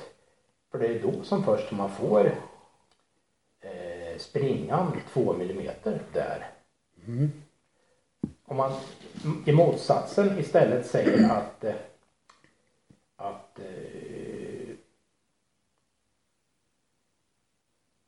Nej, jag, jag, jag, ja, jag, sa, jag sa fel. Jag sa fel med vinklarna där. Jag, sa 45 är ju alltså eh, Jo men det är, det är ju ganska lätt egentligen om man tar Man lägger händerna framför sig 45 grader och så lyfter man så 45 grader. När du har då 2 mm mellan, mellan fingertopparna Ja. och knogen. då. Ja, då har du inte 2 mm vinkelrätt emellan. Nej, precis. Det blir mindre. Ja, Ja. så är det. Och jag menar, jag menar inte 90 utan 0 grader. Ja, precis. Så, så vid 0 graders eh, tätningsyta, då är det som bäst flöde. Har man 45 grader då, ja då får man bara hälften. Då får man springa på en millimeter däremellan. Ja. Jag tänker rätt nu. Och så vid låga lyft så ska man ju ha en annan vinkel alltså ner mot noll. Men vid höga lyft så vill man ju istället gå åt andra hållet då. Och idag på mm, trimmade motorer, vad ska jag säga, hårt trimmade sugmotorer och dylikt så inom dragracing så, så har man ofta kanske 55-60 graders vinkel på tätningsytan där. Men då får du ett bättre flöde på höga lyft. Då får man bättre för på höga lyft. Precis. Och det är det som är eh, viktigt att förstå. Eh, Vilken kamaxel har man? Vilket lyft har man? Vilken vinkel ska man ha? Ja, och hur snabbt öppnar den till den vinkeln? Eh, Ja, Eller till, till det lyftet? Ja, precis. Ja. Så, och sen är det som så också att eh, det hör ju ihop lite grann men storleken på hålet i förhållande till diametern på ventilen. Har man en kamaxel som lyfter inte så mycket då är det bättre att ha ett mindre hål än eh, själva ventiltallriken. Har man ett högre lyft på för att få bra flöde alltså. Har man ett högre lyft på, på ventiltallriken då kan man ha en, ett större hål, alltså en större diameter i själva halsen ner i, i kanalen Mhm. för att få bra flöde då. Vi, vi pratar alltså om, om eh, diametern i hålet ner mot ventilen i förhållande till diameter på själva ventilen. Ja, precis. Ja. Ja. Halsen brukar man säga. Eller ungefär en halv centimeter ner i kanalen från tätningsytan. Ja precis. Ja, och för en sån som jag tänker upp. Från ventilen upp i kanalen. Ja. Så, så tänker jag. Ja, ja, okej. men du ser ju alltid toppen upp och ner. Men eh, det är så att folk jag tänker så att folk förstår att ja, precis. från ventilen och så längs med eh, skaftet upp mot, eh, mot eh, insugningsröret. Ja. Och sen är det ofta så här när man, man håller på med, med standardtoppar och ska trimma så här så ser jag ju ofta när jag håller på med sånt att eh, eh, mycket av flödesbegränsningarna sitter ju jag brukar säga eh, någon centimeter uppåt och någon centimeter neråt. Ja, åt båda håll. Alltså precis efter ventilen och precis innan ventilen. Där har man de största eh, flödesbegränsningarna Före ventilen är ett jättebra uttryck. Då vet vi vart det är. i flödesriktningen. Ja, ja, för. Ja. före ventilen säger vi istället för upp och ner. Okej, det, är Det tycker jag. Precis. Ja, då, då, då, är vi, så, då är det lättare för oss att förstå. Ja. Före ventilen är ju alltså Ja, i flödesriktningen. Ja, Ja. det är uppe i skaftet där någonstans. Men i flödesriktningen, du vet ju det här med, vi har pratat om förut med pulserna, han går ju fram och Ja, tillbaka. där vad jobbigt det blir. Ja, ja, vi förstår ungefär. Ja. Så det där är en eh, viktig del och Men nu, nu är vi inne på en rätt skön grej när du säger en centimeter efter ventilen i Ja. flödesriktningen. i förbränningsrummet alltså. Ja men vart är vi då? Där är det ju bara tomt. Tänker en normal människa. Ja, men, men så, är det så är det ju inte där. Nej. Så är det inte. Utan där Det har slutar man- inte med ventilen. Det är så jäkla mycket skit som är i vägen där. Rent ut sagt. Och Ja, där gäller det cylindervägar att och ha bråte. vinklar och, och ha fritt så att säga. Ja. Ehm, det, det som jag tänker på det är ju, för jag vet att vi höll på med min arbetopp. Ja. Eh, avgasventilen. Då, hade vi, då säger vi att vi har en, eh, en eh, 2 mm kjol. Eh, och diametern på min ventil, nu är vi helt hypotetiska. Det, eh, om, vet du det, omkretsen på min ventil säger vi för enkelhetens skull är 30 mm. Då hade inte jag ett 30 mm långt band utan enligt dig hade jag då bara ett 20 mm långt band. Därför att det var 10 mm längs med sätet där det inte flödade någonting. För att det var grejer i vägen. Precis. Cylindervägg och vad det var. Ja. Och det här är också en grej som, som sånt här ser man ju inte. Om man inte kan testa det med en flödesbänk. Och eh, ja, vad gjorde du åt det? För det vet jag att du fixade till rätt bra. Ja, jag minns inte det exakt nu men. Men du var filar lite grann runt om sätet på utsidan av sätet. Ja, Med vinklar och, eh, och här saker. Frilade lite grann där precis. Då kunde man se. Det är ju, man kan ju se mycket flödesbänken. Jag har ju en sån flödesbänk som jag har haft sedan eh, början på 90-talet. Och där ser man ju jättemycket sådana här saker. Man kliar sig i huvudet och undrar och sen när man väl har testat det och provat så ja då känns det ju ganska självklart då. Mm. Så är det. Det är som mina egna lock till min egen gamla bil här nu som jag har på med och ja, jag har ju kört säkert hållit på 150 timmar bara med min egen en insugningskanal och ja, eh, idag så känns det ju ganska enkelt, ja men det fattar man väl att det är ju si och så men innan man har kommit fram till någonting så ja då är det svårt. Mm. Så är det. Ja, det är eh, många timmars erfarenhet som ligger i den där bänken nu. Ja, en flödesbänk är ju inte, eh, det är ingenting att ha med, med, med bara att testa så att säga utan flödesbänken är ju, är ju bra att eh, lära sig saker och ting på då. Det är det den är bra för då så att säga. Mm. Så. Så, Och det är- topplock eh, utan att ha eh, förståelse för hur flödet går med, med en flödesbänk. Ja, man kan säkert lyckas lite grann men man får ju inte helheten så är det då. Nej. Det är ju lite så jag menar. Jag brukar alltid förespråka att man, alltså att man, om man inte kan mäta upp det man gör. Då kan man inte veta att man har gjort rätt. Nej, jag vet att du brukar säga det här med, du brukar säga maxport, alltså så, så flinar du lite. Ja, jag tycker det är så ett underbart uttryck. Ja. Min topp är maxportad. Ja, men hur vet du det då? Har du testat? Vad, vad betyder det? Ja, vad betyder det? Är det max? Har du? Ja, men jag har filat så att eh, det bara är en millimeter kvar till vattenkanalen. Oj, vilket stort hål du har. Den måste gå jättefort. Ja, Då har vi tillbaka igen då. Det viktigaste utav allt är gashastigheten vid det här varvtalet som du ska använda. Alltså, du ska ha kamaxeln, du ska ha eh, durationerna och, och det här och du ska ha, allting ska vara anpassat för det varvtalet som du ska använda bilen till. Det är ju det som är det väsentliga och då är det ju alla de här grejerna då med insugningskanal, avgaskanal, öppningstider och lyft och ja det är ju inte bara att, att fila upp en stor kanal. nej. Jag vet, jag har sett några gånger när de har byggt ihop, byggt in lera och alltså lagt till material inne i kanalen och fått det att flöda mer på grund av det. Ja, just det, precis. Ja, när luften släpper eller vad det nu var den gången. Ja, ja. Och sådana saker. Vet, det var någon topp som du, visade tror jag som han var i glasfibersbacken. Lagt på någon klick precis, alltså i underkant då. Ja, man använder ju eh, plast av ett, en speciell plast för att lägga in. Det går inte i avgaskanalen, men i insugningskanalen kan man använda det och då kan man ändra kanalen så man får bättre flöde då. Det eh, ja, storleken på kanalen, den måste ju vara rätt för rätt gashastighet. Men även om du har rätt storlek på kanalen så kan du ju ändra flödet. Och du vill ha så mycket flöde som möjligt fast hårdstorleken ska vara det rätta för rätt var- det varvtalet som man har valt. Mm. Så det är viktigt. Det Då, då kan man ju hålla på jättemycket med att få det här bra flödet. Ja, delvis i ventilsättet och det här centimetern före och efter ventilen och, och sen eh, kanalen är också viktig fast det är framförallt ventilsätet och de här centimetrarna före och efter som vi pratade om. ja.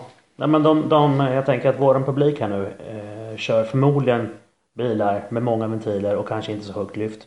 Och då är inte kanalen begränsning utan då är det ju sätet kommer fram till förut då. Efter och uppe den här 0,25.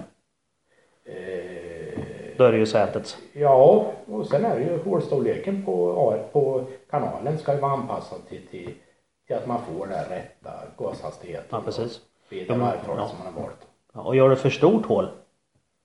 Då eh, blir det ju Ja. kaka. Då, blir det, då har du helt plötsligt tagit en, en gans, kanske en ganska välfungerande motor Ja, och gjort den sämre. ja, ja, det blir direkt.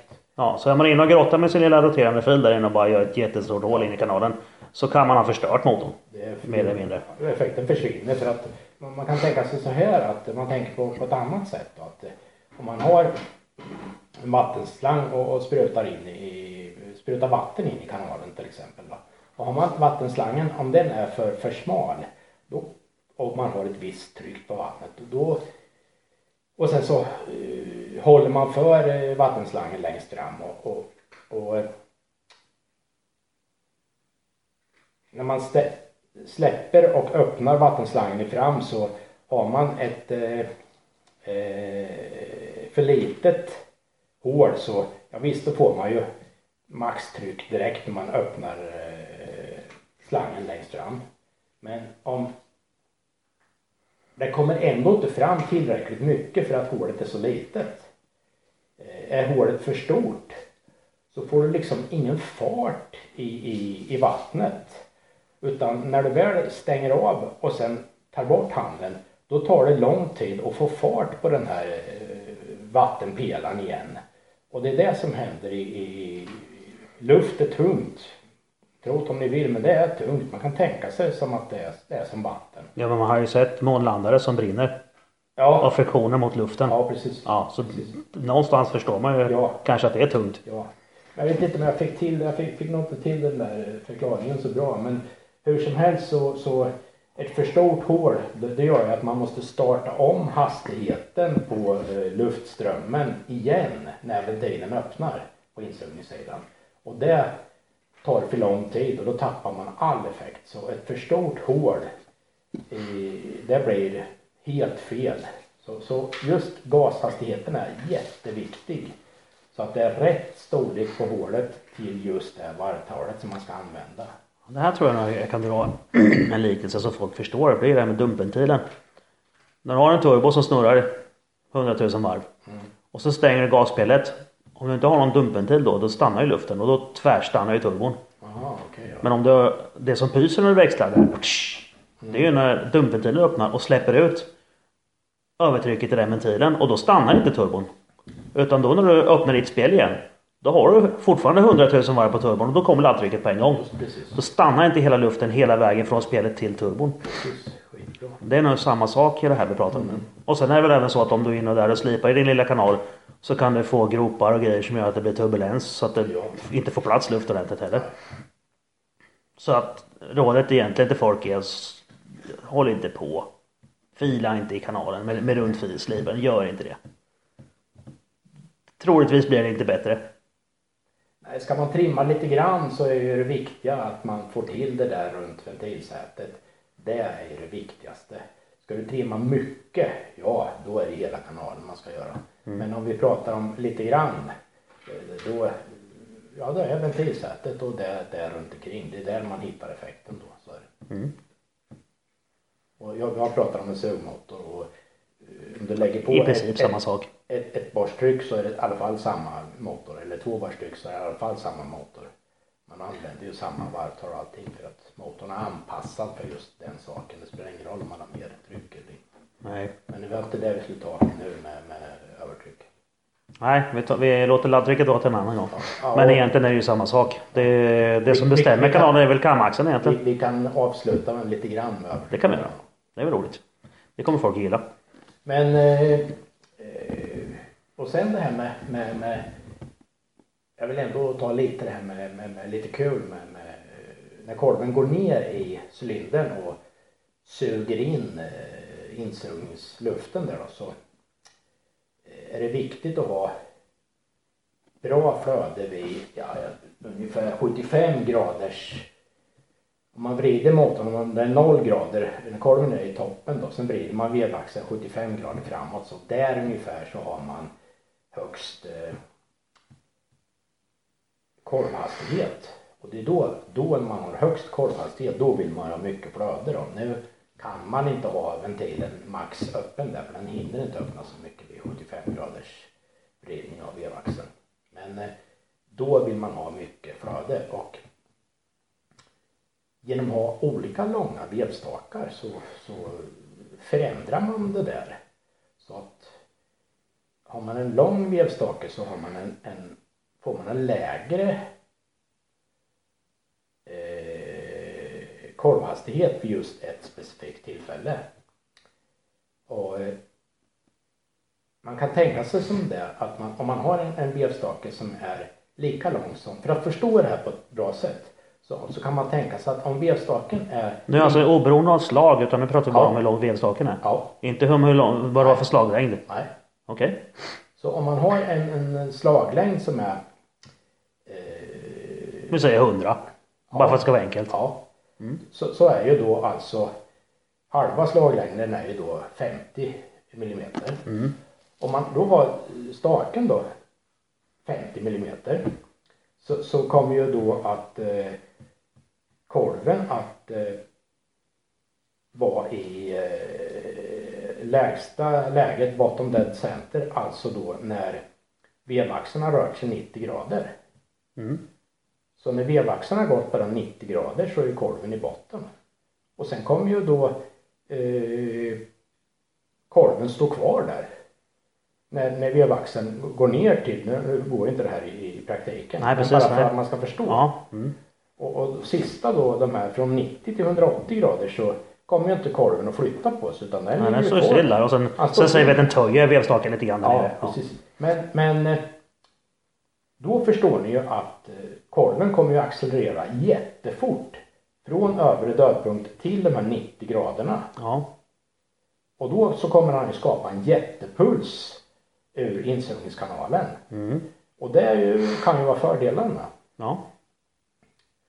Nackdelar också. Men fördelar att man får en jättestark Du får en högre puls. Ja, Men kortare vedstake alltså? surpuls, ja. Mm. Men samtidigt så får man ju vinklar som inte är så bra mot cylinderväggen och kolven och så här då. Och sen så får man väldigt höga eh, kolvhastigheter som det finns en begränsning på också. Man vill komma upp i max kolvhastighet på alla motorer men just den specifika kolvhastigheten är kan man ju nå på annat sätt också med högre varvtal och, och Mm. dylikt. Ja, precis. Men om man har en längre vevstake så får man ju då inte samma acceleration ifrån toppen och när den ska gå ner. Och man får alltså en annan sugpuls i insugningskanalen. Berättar det här mest bara för att ja, det är kul att tänka sig in i de här Det är väldigt grejerna som intressant. Är, som är ganska enkla fast eh, man kanske inte har tänkt på dem då. Mm. Men det här skapar ju eh, en, en motor som fungerar på ett annat sätt genom ja, de här sugpulserna här nu till exempel. Då. Ja, mest så. Ja. Eh, Den, så nu, nu när vi bygger, när vi, när vi bygger våran, eh, våran projektmotor här nu då så vill vi ha stort borr. Eh, kort slag så vi får in mycket ventiler och vi vill ha en kort vevstake helst. Nej, det vill vi nog inte ha. Nej. Utan det där var bara en förklaring för att eh, Vi vill ha en, det som med allt annat, det är en kompromiss. ja, precis. Vi vill ha rätt Man- vevstake. Ofta så går man åt andra hållet, man vill ha lite längre vevstake. Fast eh, man går på ett högre varvtal istället för att nå Ja, den här max eh, Ja. eh. För man kan inte gå över den här max eh, kol, kolvhastigheten för att då Det, det, som jag, det håller inte och det går, går sönder och ja, materialet fungerar funkar inte. Nej, det, det som jag tänker på mest är ju det att, att när du har vridit, eh, vi tänker oss på en encylindrad eh, teorimotor här nu. Vrider du veven 90 grader, då får du ju en vinkel på vevstaken. Och är vevstaken då för kort och det är för lite slag och allt det här, då kommer ju vevstaken slå emot botten på cylindern. Ja, delvis det. då. Och så blir det, så att det blir en 45 graders vinkel på staken. Ja, Då blir det en jävla belastning när den går upp sen. Ja. Mest för att förklara att det här med att eh, den har betydelse, vevstakens längd har betydelse för insugningstakten och pulsen där då. Mest Ja. därför. Mest därför. Och nu blev det helt plötsligt ännu mer avancerat. Ja, Jag tänker de här grabbarna som sitter på bilfabrikerna och ritar motorer. De är inte så jävla dumma. nej det tror jag inte. Absolut inte. De har någonstans har de tänkt till. Absolut. Förmodligen. Absolut. Ja. Men nu eh, återigen, vi som sitter här nu med och bygger om produktionsmotorer. Vi kan inte göra så mycket med vevstaken. Den är som den är. Det är ganska givna förutsättningar. Ja, oh, det vet jag inte när det gäller sådana här som jag oftast håller på med, amerikanska V8 och sånt då. Mm. Då finns det ju eh, olika vevstakslängder man eh, kan eh, använda. Och, Ja, då får du laborera med vevstakens längd och med vart kolvbulten sitter då. ja, precis. Och För det givna du har det är ju slaget och sen vart topplocket Ja. kommer. Men eh, kolven, den vill man ju att kolvbulten ska sitta så högt som möjligt för då får du ju, kan du göra en lättare kolv och en, eh, Mm. ja, vikten på kolven är väldigt avgörande och väldigt viktig. Mm. För hållbarheten bland annat. Ja. Och ju högre upp den sitter desto mindre plats blir det för kolvringarna. Ja, För de har ingen höjd att ha under kolvbulten. Nej, precis, ja. Det finns ju kolvar som, där kolvringarna ligger över kolvbulten så att säga. Så. Ja, på själva kolven, där, där själva kolven sitter. Ja, precis. Fränt. Men läcker inte in emellan då tänker jag. Ja, man gör ju en kortare kolvbult och så här då så att Ja. den ligger en bit upp där. Och så sätter man Avancerade plugg emellan då? Formel 1 till Ja precis ja. Eller Masco är ju sånt här som eh, mycket, Skitfränt. mycket fräna kolvar och, och, och sånt där. Absolut. Ja det är klart, där finns det ju lite pengar att utveckla också. Ja. Eh, kompression tror jag inte vi har pratat om. Nej, vi tar det. Jo. Kompression kan man väl ta lite enklare sådär bara men eh, allmänt så är det så här att ju högre kompression man har ju mer effekt får man. Och ofta när man pratar turbo och sånt här så ja, då vill ju folk eh, sänka eh, kompression då. Och ja, jag vet inte. Ja, förr i tiden. Jag tror att det är så här att eh, det är faktiskt så här att eh, ju högre kompressionsförhållande du har ju mer effekt får du i alla fall. Ja. att, men det är ju det att det är ju inte så lätt att ha hög kom- kompression då för att eh, delvis så skapar det så mycket värme. Du kan lätt få spikningar och delvis så så eh, ja vad tänkte jag på då mer Hög kompression, Ja. spikningar, värme. Det går ju tyngre måste vi göra. Nej, eh, den, eh, det, det, Ja klart, det kanske jämnar ut sig. ja precis. Ju mer kompressionstryck du har, ju mer effekt får du. För då får ju, ju, fe, ju mer tryck du har innan kolven når toppdeadcenter då, så ju, ju mer tryck får du när gnistan har tänt. Ja precis, så det är ju, en, det är ju förmodligen en korv på väg ner någonstans Ja. som hjälper den här kolven upp. Ja, precis. Så att, Visst. ja. Ja. Men med det här så blir det ju bekymmer att det blir spikningar och dylikt. Och, och eh, det är inte så lätt och det är jätteviktigt att, att man har bra kylning. För man vill ha luften i förbränningsrummet ska vara så, så, så kall som möjligt. Eh, För att kall luft kyler och kall luft innehåller mer syre också. För det är syret egentligen, det är inte luften utan det är syret vi använder. Då, så. ja men en spikning är ju också när det blir så varmt så att förbrän, alltså, så att förbränningen sker innan tändstiftet har antänt det. Så Ja. det, det tänder för tidigt helt Ja, enkelt. precis. Ja. Och, och det, därför är det viktigt också med, med det här med, nu vet jag att sådana fyrventils eh, är ju lite bättre utformade för just de här klämspalterna då. Som är mellan kolven och topplocket då. Den Squishkant även kallat Ja precis. Den klämspalten där, den är ju jäkligt bra att ha för att den eh, gör att man skapar god blandning av bränsle och luft då. Men eh, det folk då kanske inte tänker på är ju att låg kompression gör att den inte spikar. Ja, visst, eh, så är det då. Men om man skapar låg kompression genom att den här klämspalten blir ganska stor eh, då så finns det risk för att man självantänder bränslet som ligger emellan topplocket och kolven när kolven är uppe i, i, längst upp då. Och då självantänder det för att det finns bränsle och luft emellan den här klämspalten. Om den klämspalten istället är så liten som möjligt då finns det ingenting som kan självantända däremellan. Då har allt klämts in i förbränningsrummet istället. Precis. Och då är det mindre risk för spikning.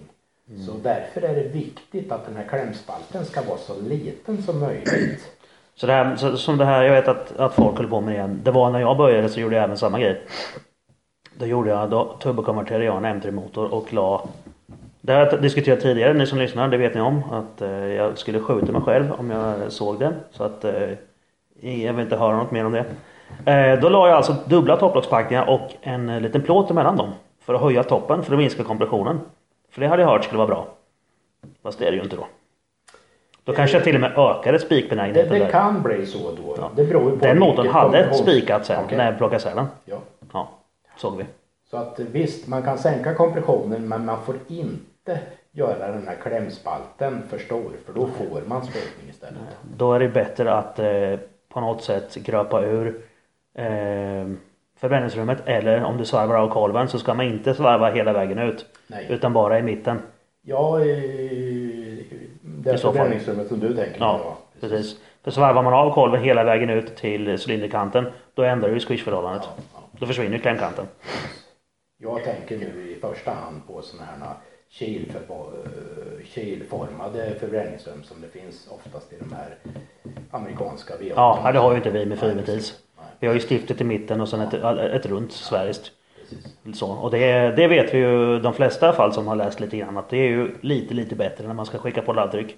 Och kompression egentligen. Ja. För då har du ingen, då har du ingen kant någonstans som gör att det kan som, ja, som blir en indikering till självantändning. Nej, precis. precis. Men samtidigt är den här klämspalten bra för att skapa bra eh, blandning av eh, bränsle och luft. Mm. Så att eh, det är inte bara negativt utan det är bra också. Mm. Ja, det... Sen kan vi, gå, vi ska inte gå in på tumblermotorer nu. Men där har vi också en, en väldigt intressant grej. Men det, det skiter vi i. För ingen av oss håller på med det. Hur man blandar bränslet där med en två, tvåventilstopp så, så snurrar ju gaserna oftast i, som en spiral in i cylindern och, med en fyrventilstopp så snurrar det ju som Ja, hur säger man då då? Eh, motsatt Som en våg nästan. Ja, så motsatt riktning i alla fall. Men, Ja. ja, precis. Och det där är ju Och då, ja, men så gör de på många produktionsmotorer för att kunna köra dem under 14,7 på bensin. Så att du kan köra en snålare. Och för emissionsproblem. precis. Ja, och det är ju inte jättestrålande sen när vi vill börja trimma dem sen. Jag vet att Volvo håller på mycket med det. Det var ju faktiskt Lennart Sander som förklarade på det seminariet jag var på. Just det här. Och Han, var, han höll på i en halvtimme att förklara det här med tumbler. Men det, det hoppar vi. Det är inte intressant för oss. Nej, ja, intressant är det väl. Ja, jo, men kan prata- vi kommer inte använda oss av det. Vi har pratat länge i alla fall. Nej, det, det är inte så länge. Det är bara en halvtimme. Okej. Titta. För det har vi gått igenom alla grejerna nu eller? Bränsle, och kylningen där i toppen, det är viktigt där och att eh, det får inte vara några vassa kanter för kompression och självantändning och man måste ha tillräckligt kallt tändstift för att inte det ska bli för varmt i, så att det självantänder bränslet och så här då. Just det, så att inte stiftet börjar glöda. Ja, precis. Och sen eh, ofta så man blandar i lite mera bränsle Ja, då kyler det ju. Ja, så du ju det lite mer då. Det är egentligen samma sak med ett vatteninsprut. Att det Ja, kyler ju. ja, Det sväljer värme. Sen då, vad har vi mer? Eh, vi har gått igenom kanaler vi har gått igenom säten och vi har gått igenom friktion lite grann Ja, och lite grann med kompression. kompression. Sen är det det här med, vad ska jag säga, när man har trimmat motorn färdigt och, och motorn ska testköras då. Så ja, vad är det man gör då? Jo, då måste man ju testköra motorn och det är väl det som är jag vet inte, det känns som lite eh, missförstånd men motortrimningen, när den är färdig då stoppar man med motorn i bilen och testkör den och då kan man antingen testköra motorn i en bromsbänk eller på en sån rullande landsväg. Och, och ofta idag med, med grabbarna så kör de ju på rullande landsvägen och sen så, så, så eh, Ja, vad gör man där då? Jo, där ställer man ju in allting till den färdigtrimmade motorn. Så att tändning och bränsleblandning och eh, ja, vi ska inte prata om tryck nu då, men att trycket är rätt vid alla varvtal och så här och att eh, tändningen är rätt vid alla varvtal och att bränsleblandningen är rätt vid alla varvtal. Det är det man ställer in. Ja, det är då vi står och mappar den helt Ja, precis. Mappa kallar man ju det idag då. När, när vi var, jag var lite yngre då så, ja, samma sak men eh, då sa man att ja, vi ställde in brytarna och sen så, de skulle vara 0,40 och så fyra tiondelar och sen så skulle man eh, ställa tändningen på rätt och då skulle man ha tändningen på, ja, till exempel 15 grader på tomgång och sen så, så visste man att ungefär då eh, tändningen på fullt utslag eller fullt varvtal skulle vara kanske 35-40 grader där då. Och ja, det där vart eh, tillräckligt bra då på s- för de eh, användningsområdena som man hade. För man använde oftast höga varvtal när man tävlar med en bil och då man hade då tändningen på det eh, ett specifikt eh, gradtal så, så fungerar det ganska bra. Idag kan man ju eh, på den här eh, rullande landsvägen och med, med göra samma sak fast det kallas mattning idag då. Och eh, då så ställer man ju in då tändningen på varje varvtal istället och det är ju naturligtvis bättre. Ja, det är lättare att kontrollera det. Då kan man ju använda motorns varje varvtal till att fungera ja, väldigt bra då. Mm. Så det, visst, det, det är så optimalt som möjligt. Absolut, absolut. Men kamaxlar och flöden är ju likadant som på den tiden. Ja, ja, ja. Det är som ett... Motortrimningen som jag då säger. Ja precis. Den mekaniska motortrimningen. Ja, Det är samma sak. precis. Det är bara det sen- elektroniska som ändrats. Sen är det ju att man ska vad ska säga, ställa in det här då. Och, och eh, det är ju enklare med, med bränsleinspruten idag än vad det var med, med, med förgasare och sånt som fanns förr då. Men ändå så, så det varvtalet som man använder i dragracing så vinner man inte speciellt mycket på att de här eh, finjusteringarna på varvtal som man inte använder utan det blir inte så mycket bättre med, med att eh, ställa in tändningen exakt på varje varvtal eftersom det är ett kortare varvtalsområde som man använder då. Och även bränsleblandningen då. Det är lite grann samma sak som att de körde med förgasare så länge i Nascar. För de, det är ju båtmotorer brukar jag kalla det. De ligger på samma varvtal hela tiden och bara nöter. Ja. Och då kan de lika gärna åka med förgasarna. Fast numera kör de ju sprut. Men Eh, ja, men det är väl bara så något år tillbaka. Sen är det ju det här med sprut eller förgasare då. En viktig sak där det är ju vart sprutar man in bränslet. Mm. Jämför man en, en eh, förgasare mot en insprutning så brukar man inte få, vad ska jag säga, stor skillnad på motoreffekten på maxeffekten vid maxvarvtalet då, eller det varvtalet som man har maxeffekten. Det är väl körbarhet du kan vinna bara. Och, och, ja, precis. Exakt. Och det beror en del på att eh, om man tittar tillbaka lite på det här med, med Formel 1-motorer igen och det som är, eh, vad ska jag säga, motorsportens Ja, men det är toppen. när det gäller teknik och dylikt. Så, så kan man se där att på en sån här Formel 1-motor så sprutar man in bränslet innan Ja, uppe vid tratten. precis längst upp vid tratten. Mm. Och det är där man får mest effekt, att bränslet ska sprutas in så tidigt som möjligt. Alltså inte längre ner mot ventilen. Nu vet inte jag hur det fungerar om man sprutar in bränslet direkt i cylindern som det finns en del moderna motorer idag. Det, det kan jag inte svara Det har de med med emissionskrav att göra det också. Så. Ja, precis. Det mycket sånt. Men mest effekt så långt ifrån ventilen som möjligt. Och För att det ska hinna blanda sig eller? När, ja, och när man tittar då på insprutning kontra förgasare. Som förgasare, den sprutar ju faktiskt in bränslet. Innan. sådär, Ja, det är så långt bort. ifrån ventilen som möjligt. Och därför ger de mer effekt än insprutning med, med, i många tester. Om man Ja men om de optimerar ett varvtal så. Ja, ett, Så är det faktiskt till och med varvtal. lite- lite precis. Absolut. Inte på lägre varvtal än mellanvarvtal. För då är det ju naturligtvis bättre att kunna... Nej men om vi, vi säger så här. Vi, vi tävlar i bromsbänksracing nu då. Då är det lättare och då kan du vinna eh, om du har en förgasare.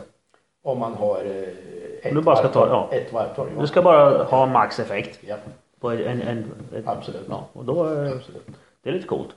Men däremot då, som jag håller på då, banracing. Ja, Då har man mer nytta av ett sprut. absolut. Absolut. Det är också ganska intressant att förgasare är inte så jävla dåligt. Nej, nej, nej. Absolut inte. Och sen har man ju utvecklat dem ganska många. Ja, de har funnits med ett tag. Ja, så är det. Sen är det ju absolut skönare ljud också med förgasare. Ja, det vet jag. Kanske det. Ja, det, blir, det blir ett annat, ett annat vröl. Som de säger. Ja, Framförallt är med inte turbomotorer i och för sig. Det är ju, det är ju där också. Ja. Sugmotorer är ju Sugmotorer har ju ett skönare ljud. Det är ju så. Men sen är, visst, jag tycker det är ju fränt när det smäller och sånt. Men just motorljudet avgasljudet eller motorljudet eller insugningsljudet är ju fränt. Ja, men det är det. Det. Är riktigt coolt. Men det, tyvärr kommer jag ju inte ifrån det där. Med, med, eftersom jag tycker om turbo så kommer jag aldrig få det där insugningsbrödet. Det är ju så. Men du, jag vet inte om vi har så jäkla mycket mer att prata om. Jag kommer inte på något själv än, men Nej. man kunde bara eh, avsluta med det här med Och du vill ju gå in lite grann på tryck sa du. Ja, övertryck då. Ja. Över, Och sen efter det har jag några frågor till Ja, också okej. som de har ställt till folk. Ja, övertryck eh, ja, med turbo eller med eh, kompressor eller med eh, ja, lustgas då så. Så eh, generellt sett ska man säga att för att få maxeffekt så, så om man trimmar en motor så att den ska fungera så bra som möjligt som sugmotor så är det ingen skillnad på den motorn när man sätter på eh, turbo eller eh, kompressor eller lustgas. Det är samma motor. Generellt sett kan man säga så. Sen, ja visst ska du få ut eh, max, max, max effekt. Då, ja visst, det finns små detaljer och några av detaljerna är, det är ju det här med kanske kammaxens överlapp då. Att man inte kan ha ventilerna öppna eh, för lång tid samtidigt. Och visst, där finns det ju en liten justering man kan göra då. Och sen så är det väl så också att ja, eh, när man har en turbo så och det är övertryck så, så kan det ju vara så att man vill ha bättre flöde på avgassidan. Ja, visst, så kan det ju vara. Men eh, annars så kan man nog generellt säga att eh, en sugmotor, optimerad sugmotor, är det man vill ha. Även fast man sätter på turbo eller kompressor. Jag vet att det är flera som kommer att säga att nej så är det inte. Men det är nog min uppfattning. Så säger du att det är? Ja, precis. Ja. För att det är ju inte så att man med en turbo här nu till exempel spolar in massor med luft.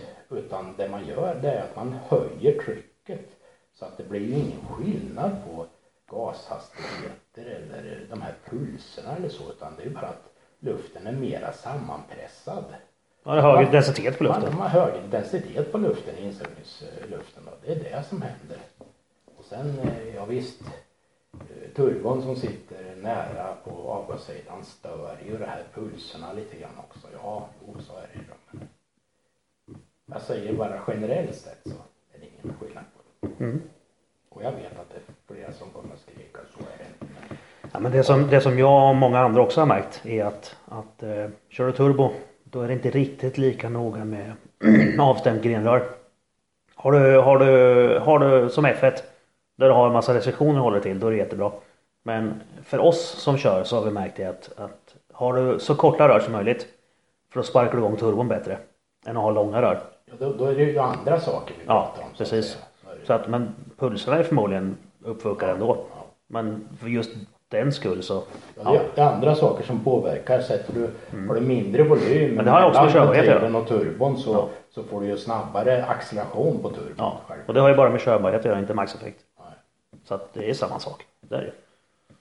Nej, jag tycker det låter bra. Ska vi ta några frågor? Ja, kan vi göra. Se om jag kan svara på det. Ja, precis. Några stycken i alla fall. Jonas Almqvist frågar. När blir en kanal för stor? Och skillnad mellan sugmotor och turbo vid portning? Eh, när det gäller eh, sugmotor och turbo så har den inte betydelse. Utan som jag sa förut så eh, det är ju inte något att man spolar in en luftstråle med turbon utan det är bara att man höjer densiteten så att det blir mer packad luft. Då. Och sen är det ju storleken på kanalen. Det är ju precis det jag pratat om tidigare då, att det är den där vissa gashastigheten man ska ha vid ett visst varvtal. En originalmotor är anpassad för ett, ett mindre hål eh, vid ett mindre varvtal. Men om du ska trimma motorn till ett högre varvtal, alltså ja, oftast eh, man ändrar kamaccelerationen till exempel så om man flyttar upp maxeffekten till ett högre varvtal då ska ju arean vara lite större för att man ska behålla den här eh, rätt gashastighet i kanalen. Mm. Vet inte om jag kan svara. Ja, det finns egentligen inget generellt svar när den blir för stor. Utan det beror ju helt och hållet på allting. Större hål i högre varvtal. Ja, ja men då så. Mr Lindbäck, han undrar vilken är den absolut finaste toppen flödesmässigt oavsett märke? Eh, och sen har han lagt till standardbil. Till vilket bilfabrikat? Ja, men oavsett vilket märke. Utan vilken, vilken är den förmodligen så här att vilken topp har du mött på som är finast flödesmässigt? Standard, standardtopp alltså. Ja, standardtopp. Aha, du menar från en fabriksbil? Ja, precis. Okej. Ja, eh, det var ju svårt att säga. Det går ju inte att svara på riktigt bara rakt av men eh, modernare bilar har ju bättre flöde än, eh, vad ska jag säga, eh, äldre bilar. Om man tittar på bilar från förr i tiden så är det ju ja, helt galna eh, flöden för att det, kanalen ser ju, man har tänkt på produktion mer än vad motorn ska eh, ge för effekt. Då. Ja, de var inte så effektiva på Nej, de var inte så effektiva förr i tiden. Sen är det ju naturligtvis att moderna eh, motorer har ju bättre flöden. Men- man kan säga sådana här, en del motorcyklar har ju jäkligt bra flöden och så. Det, det kan man se utvändigt när, när, när kanalen eh, går så nära eh, ventilspindelns eh, väg som möjligt. Alltså, kanalen är så rak som möjligt. Mm, att bästa flödet man kan ha det är ju som jag sa förut då, en, en, ett runt rakt rör. Ja precis, men då blir det svårt det? att få plats med en ventil i det. Ja precis. Den måste ju svänga så Ja, du har en precis. ventilskaft någonstans. Ja precis. Det där är ja, elgrader eller vad man nu säger att man kan ha eller någonting. Mm. men annars, jag, jag, jag, jag, jag kan inte säga, hitta på något att säga utan ju, ju modernare eh, bilarna är ju Mm. mer effekt de har från, från fabrik ju. Och det handlar ju som jag sa om förut att det viktigaste är ju just insugstakten. Mm. Så att insugningskanalen flöde och eh, när kolven då eh, suger in och man får de här 100 procenten. Det är det som är mest väsentligt för motoreffekten. Men för att generalisera lite då, om vi hittar en produktionsmotor som har drygt 100 hästar per liter sugmotor. Då är det förmodligen en ganska bra topp. Eh, Ja, absolut. Ja. Det, det är det. Man, man måste titta på det här med hur stor volym är det på motorn kontra eh, effekten. Jo men lite effekt. Ja, litereffekten. Så, så det är ju eh, Det är enda, egentligen enda sättet att Ja. jämföra olika motorer på. Absolut. Jämföra, vad ska jag säga, litereffekten. Hur mycket effekt har du per liter på motorn? Ja. Då ser man ju hur, hur, hur mycket, hur, hur bra motorn är eh, Ja. när det gäller eh, Ja, men- då. Kollar man på, på en, eh, en, eh, en Honda motor på 2 liter som tar 240 eller 280 häst. Ja, Det är rätt bra. absolut. Ja. Och sen får man då titta också. Om man till exempel vi säger att vi har en enliters motor och den har 100 hästar så är det jäkligt bra på en Mm. Eh, har den ett bars övertryck så blir det ju oftast, ja, teoretiskt så är det ju, man, dubblar. effekten då så. Så eh, om man har, om vi ser om motorn är bra eller inte. Om man har en eh, enliters motor som ger 100 hästar eh, eller om man har eh, ett bars övertryck och den ger 200 hästar då är det ju samma lika bra motor så att säga. Men Mm. om, motorn då har två bars övertryck och bara har eh, 200 hästar Precis. då är det en sämre motor då. Ja. Så är det ju då. Ja precis. Så att just det här med suglitereffekten kontra hur mycket övertryck man har så kan man ju se hur, hur eh, effektiv motorn är. Jag kommer inte ihåg de exakta siffrorna men eh, Maxtuning har ju, har ju på sin hemsida eh, olika rekord som de har kört i bänken. Ja. Och jag tror att bästa litereffekt är 330 hästar per liter. Med övertrycket. Ja, ja, visst, ja, ja självklart. Ja. Det går ju inte annars. Nej. Men det är ju rätt bra. Ja. Om man tittar på den här. Tror du han vi, vi, vi pratar om med de här Formel 1-motorn som jag pratade om förut då. Mm. En sån eh, Formel 1-motor den här som var för tre år sedan, det var den var V8-motorerna då, 2,4 liters. De gav alltså, ja, jag minns inte exakt men en litereffekt på mer än 300 hästar per liter på en sugmotor. Mm.